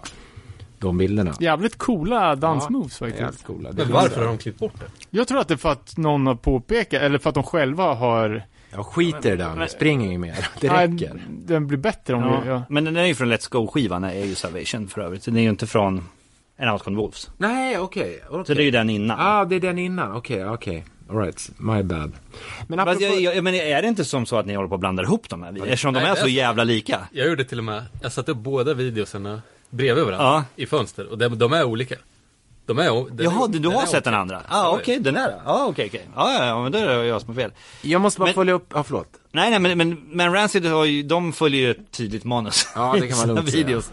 För sen gjorde de ju på Let the Dominoes Fall, så gjorde de ju, då släppte de ju en video på varje låt. Mm. Som var liksom superenkelt. Mm. Och då var ju när de hade gått in till sin 100% kontrast. Ja, Så att det är men- bara svart fast och vitt. Det där var, Epitaph ville ju ha såna, det, det är likadant, de vill ju ha, det är därför jag har gjort våra videos direkt, för när vi släpper första. De vill liksom ha, de vill släppa en låt med rörligt material direkt. Då vill de nödvändigtvis inte ha en riktig video liksom, Ah, okej. utan de vill ha antingen en lyric video eller bara, bara liksom i sämsta fall en lyric video eller bara någon bild liksom så här. Fast det är ju astråkigt. Så då, då låter de bandet göra det. Och då är Rancid gjorde det. Jag tror de filmade hela skivan. Mer än Ja, one take. Ja, på one take. Liksom. Låtstav hela plattan. Är det för att folk lyssnar på musik på YouTube? Ja, de, Ja. Vill, de vill släppa den direkt med det, direkt med det nu. Och fast det är lite konstigt också för den första man släpper får så jävla mycket mera views. Jag menar Sense and Sensibility, jag, den har, alltså, den har ju över miljonen views liksom så här. Och det är ju den första. Sen la vi ner, den gjorde jag själv med GoPro-kameror liksom. Eh, noll budget. Och sen så... Den åker i bussen. Ja, exakt. Eh, och sen så la vi ju ner budget på två videos efter det. Och de har ju typ hälften så mycket views. Så det, jag, jag förstår mig inte riktigt på deras... Eh, Men videos har ju så konstig brintid nu. Men, men ja. för att det är det jag tänker, för att om musikvideon gjorde, alltså i slutet av 2000-talet där, när budgeterna gick ner och du snackade om det, så har väl snarare kurvan gått uppåt nu igen i och med liksom YouTube och, och Ja, men det har blivit en helt liksom. annan scen nu. Alltså så här, jag kan tycka att, apropå, vi nämnde här Unity Now, det skulle lika gärna kunna vara en musikvideo. Så Adam Holmqvist, är Prison Riot och som har gjort, jag har jobbat med honom lite grann. och det var han som gjorde de två, de två eh, nästkommande videorna på True. Och så var han min assistent på, på, på Sense Sensibility faktiskt. Du ser. Nej men i alla fall, för där, han och jag har snackat jättemycket om det här och det finns ju liksom en helt ny era. Nu börjar det bli intressant musikvideos igen, men nu har den ju förändrats, äntligen kan jag tycka, i och med att nu finns det ingen poäng att göra de här tre och en halv minut som ska funka för MTV eller ZTV eller liknande kanaler. Utan nu är ju så här, Vim, eh, Vimeo, Vimeo, eller vad heter nej, Vimeo, nej, Vimeo. inte- det den andra. Eh, skitsamma, jag kommer på det helt sen. Det finns ju en stor plattform som är YouTube-ägd. Det är någon stor kanal där alla vill släppa sina videos nu för tiden. Okej. Vevo, Vevo. Vevo, ja, ja. precis. Ja. Den har ju tagit över MTV lite grann, men där, den är ju helt... Men det är väl det tyska alltså? Ja, det, där vill ju alla släppa. För det, det fanns ju som en riktig kanal i Tyskland. Ja, men exakt. Så den har ju blivit stor nu. För all, alla band vill släppa sin, få, få premiär och få lite så här Ah, okej, fast när de släpper sin, sin video där. Men de är he- icke formatstyrda. De skiter ju om videon är 10 minuter lång. Och, det, och, och nu har dels budgeterna kommit upp. För, vilket också har gjort att så här, folk har börjat, alltså musikvideorna har blivit mer som små kortfilmer. Det är ofta ett intro på två, tre minuter. Banden är kanske inte knappt med. Eller så är de involverade i en historia på ett mycket så smartare och mer så här dramaturgiskt intellektuellt sätt tycker jag än det som vi kommer ihåg från MTV-generationen liksom. Så att det börjar hända och jag tycker bara så här, som återigen Adam Holmqvist så här, Graveyard-film, har ni sett den? Den är helt liksom sinnessjukt bra. Han är så sinne, Alltså, det är så här- otroligt duktig. Har den Precis. visats Har den någonstans? släppts? Nej, Ja. jag vet inte. Jag visste inte heller om den det. hade släppts. Nej, jag Eh, tror bara jag har sett en teaser för den Nej men länge. precis, och, och om man kollar på så här de här unga regissörerna nu som har fått lite budget här och jobbar med unga hiphopartister, det är ju liksom så här sjukt, det är så här värsta konst Ja, det är riktigt schysst. som- Men det där måste ju också, det, det är ju tvunget att bli så, för vi satt ju och snackade också, alltså när, att göra bara en video, en performance Ja.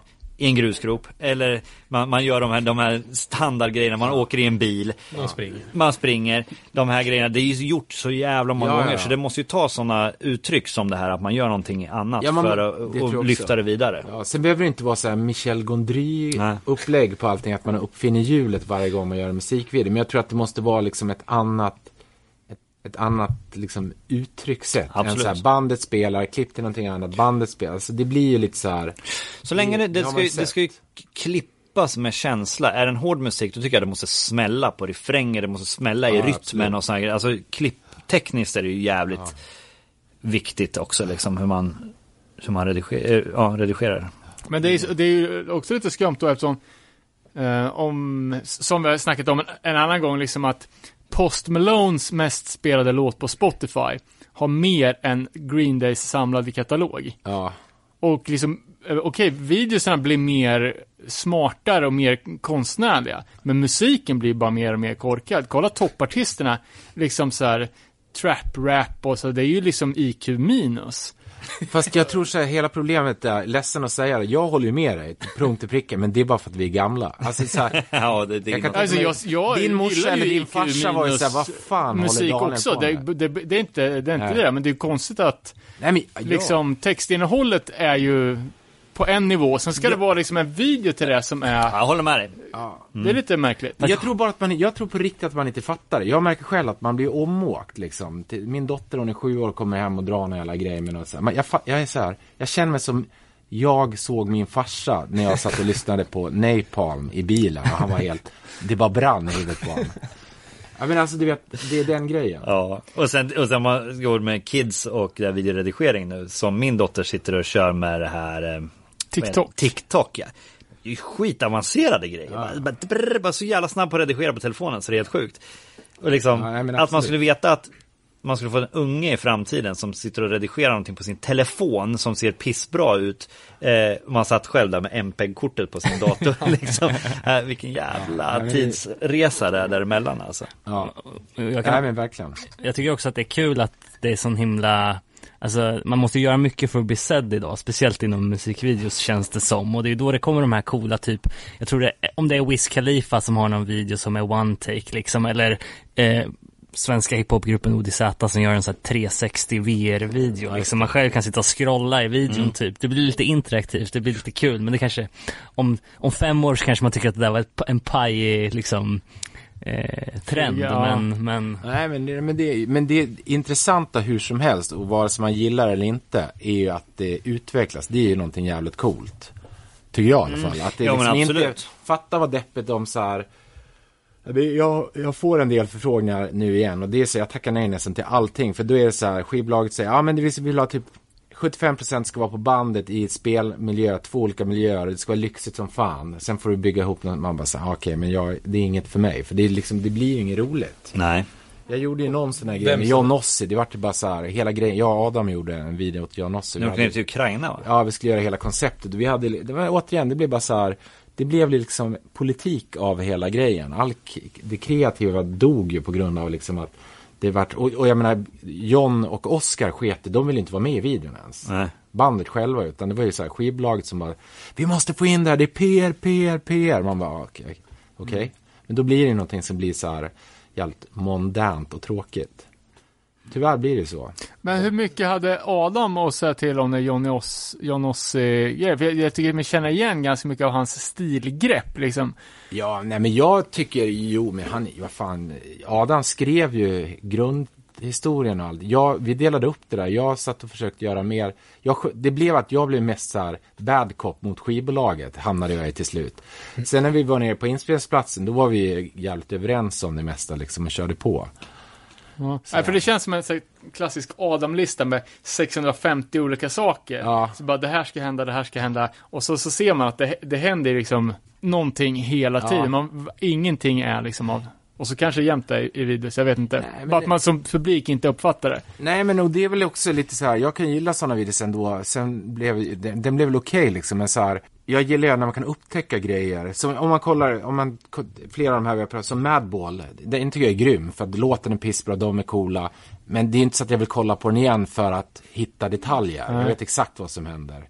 Och det är egentligen likadant med så Sepultura som vi snackade om, eller Slay eller vad, vad det nu är. Då kan jag till och med uppskatta lite mer så här Suicide Tendencies, för där kan man hitta detaljer.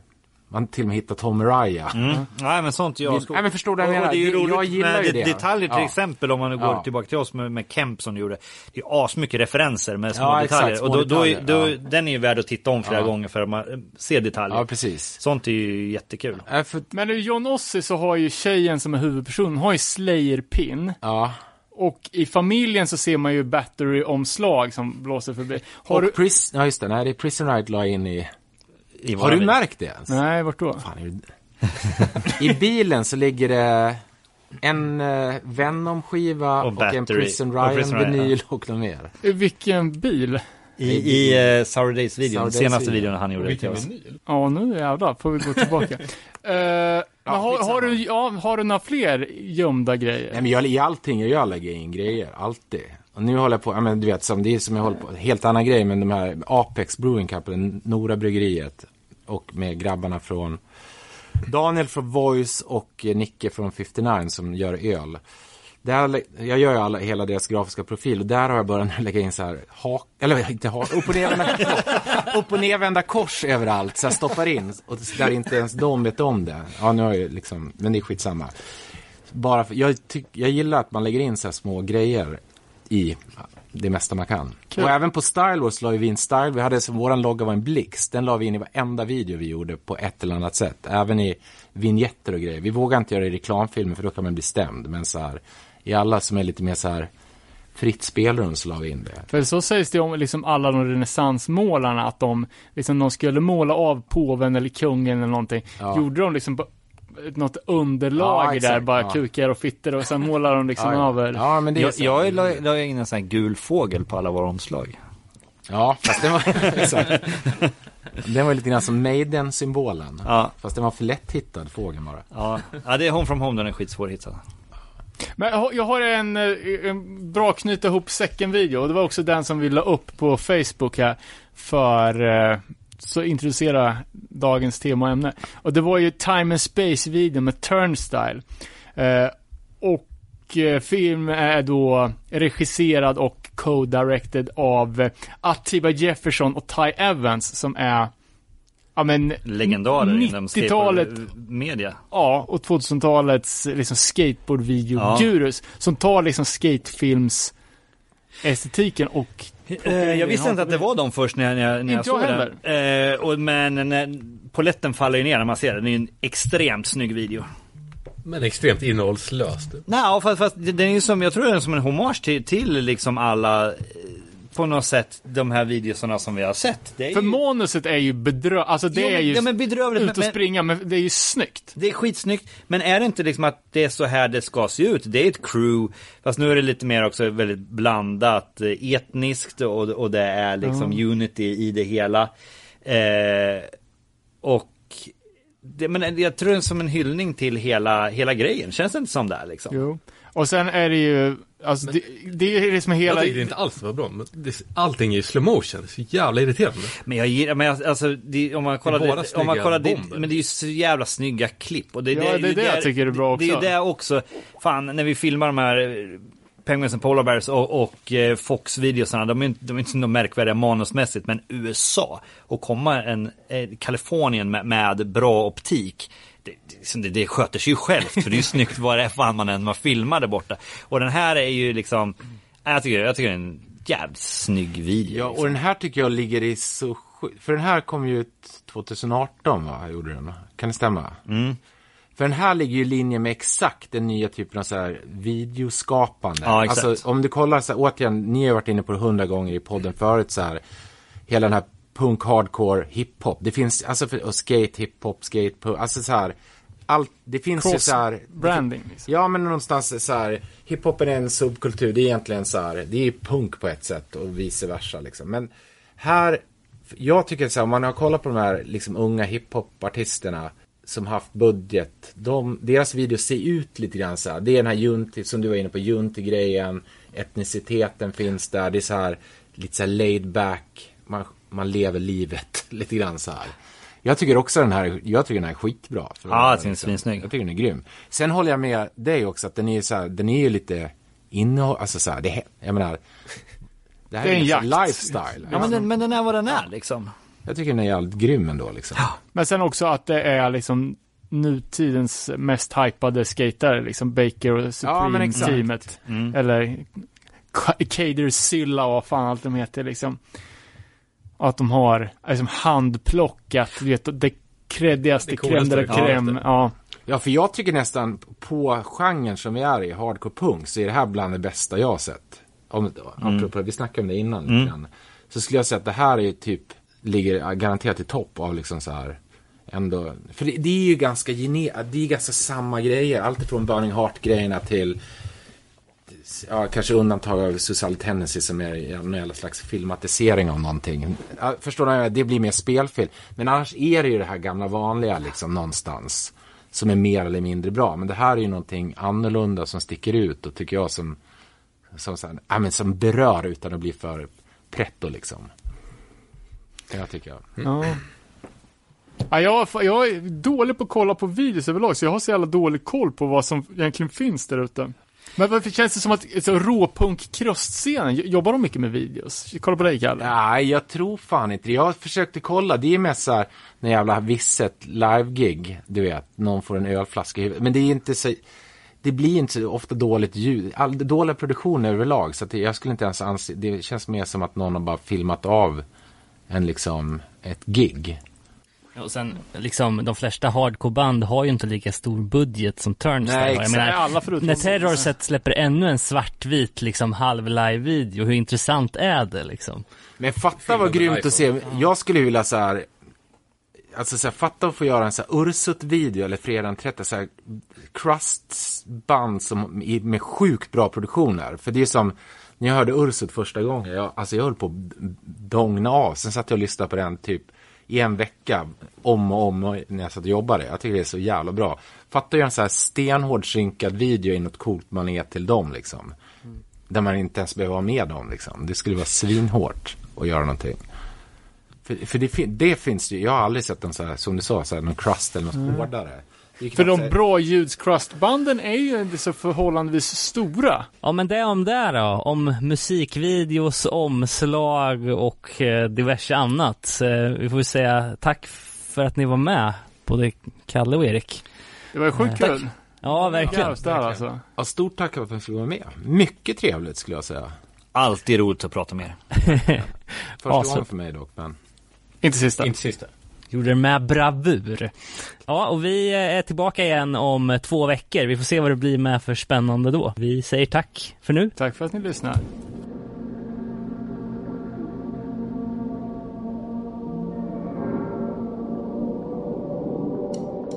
Thank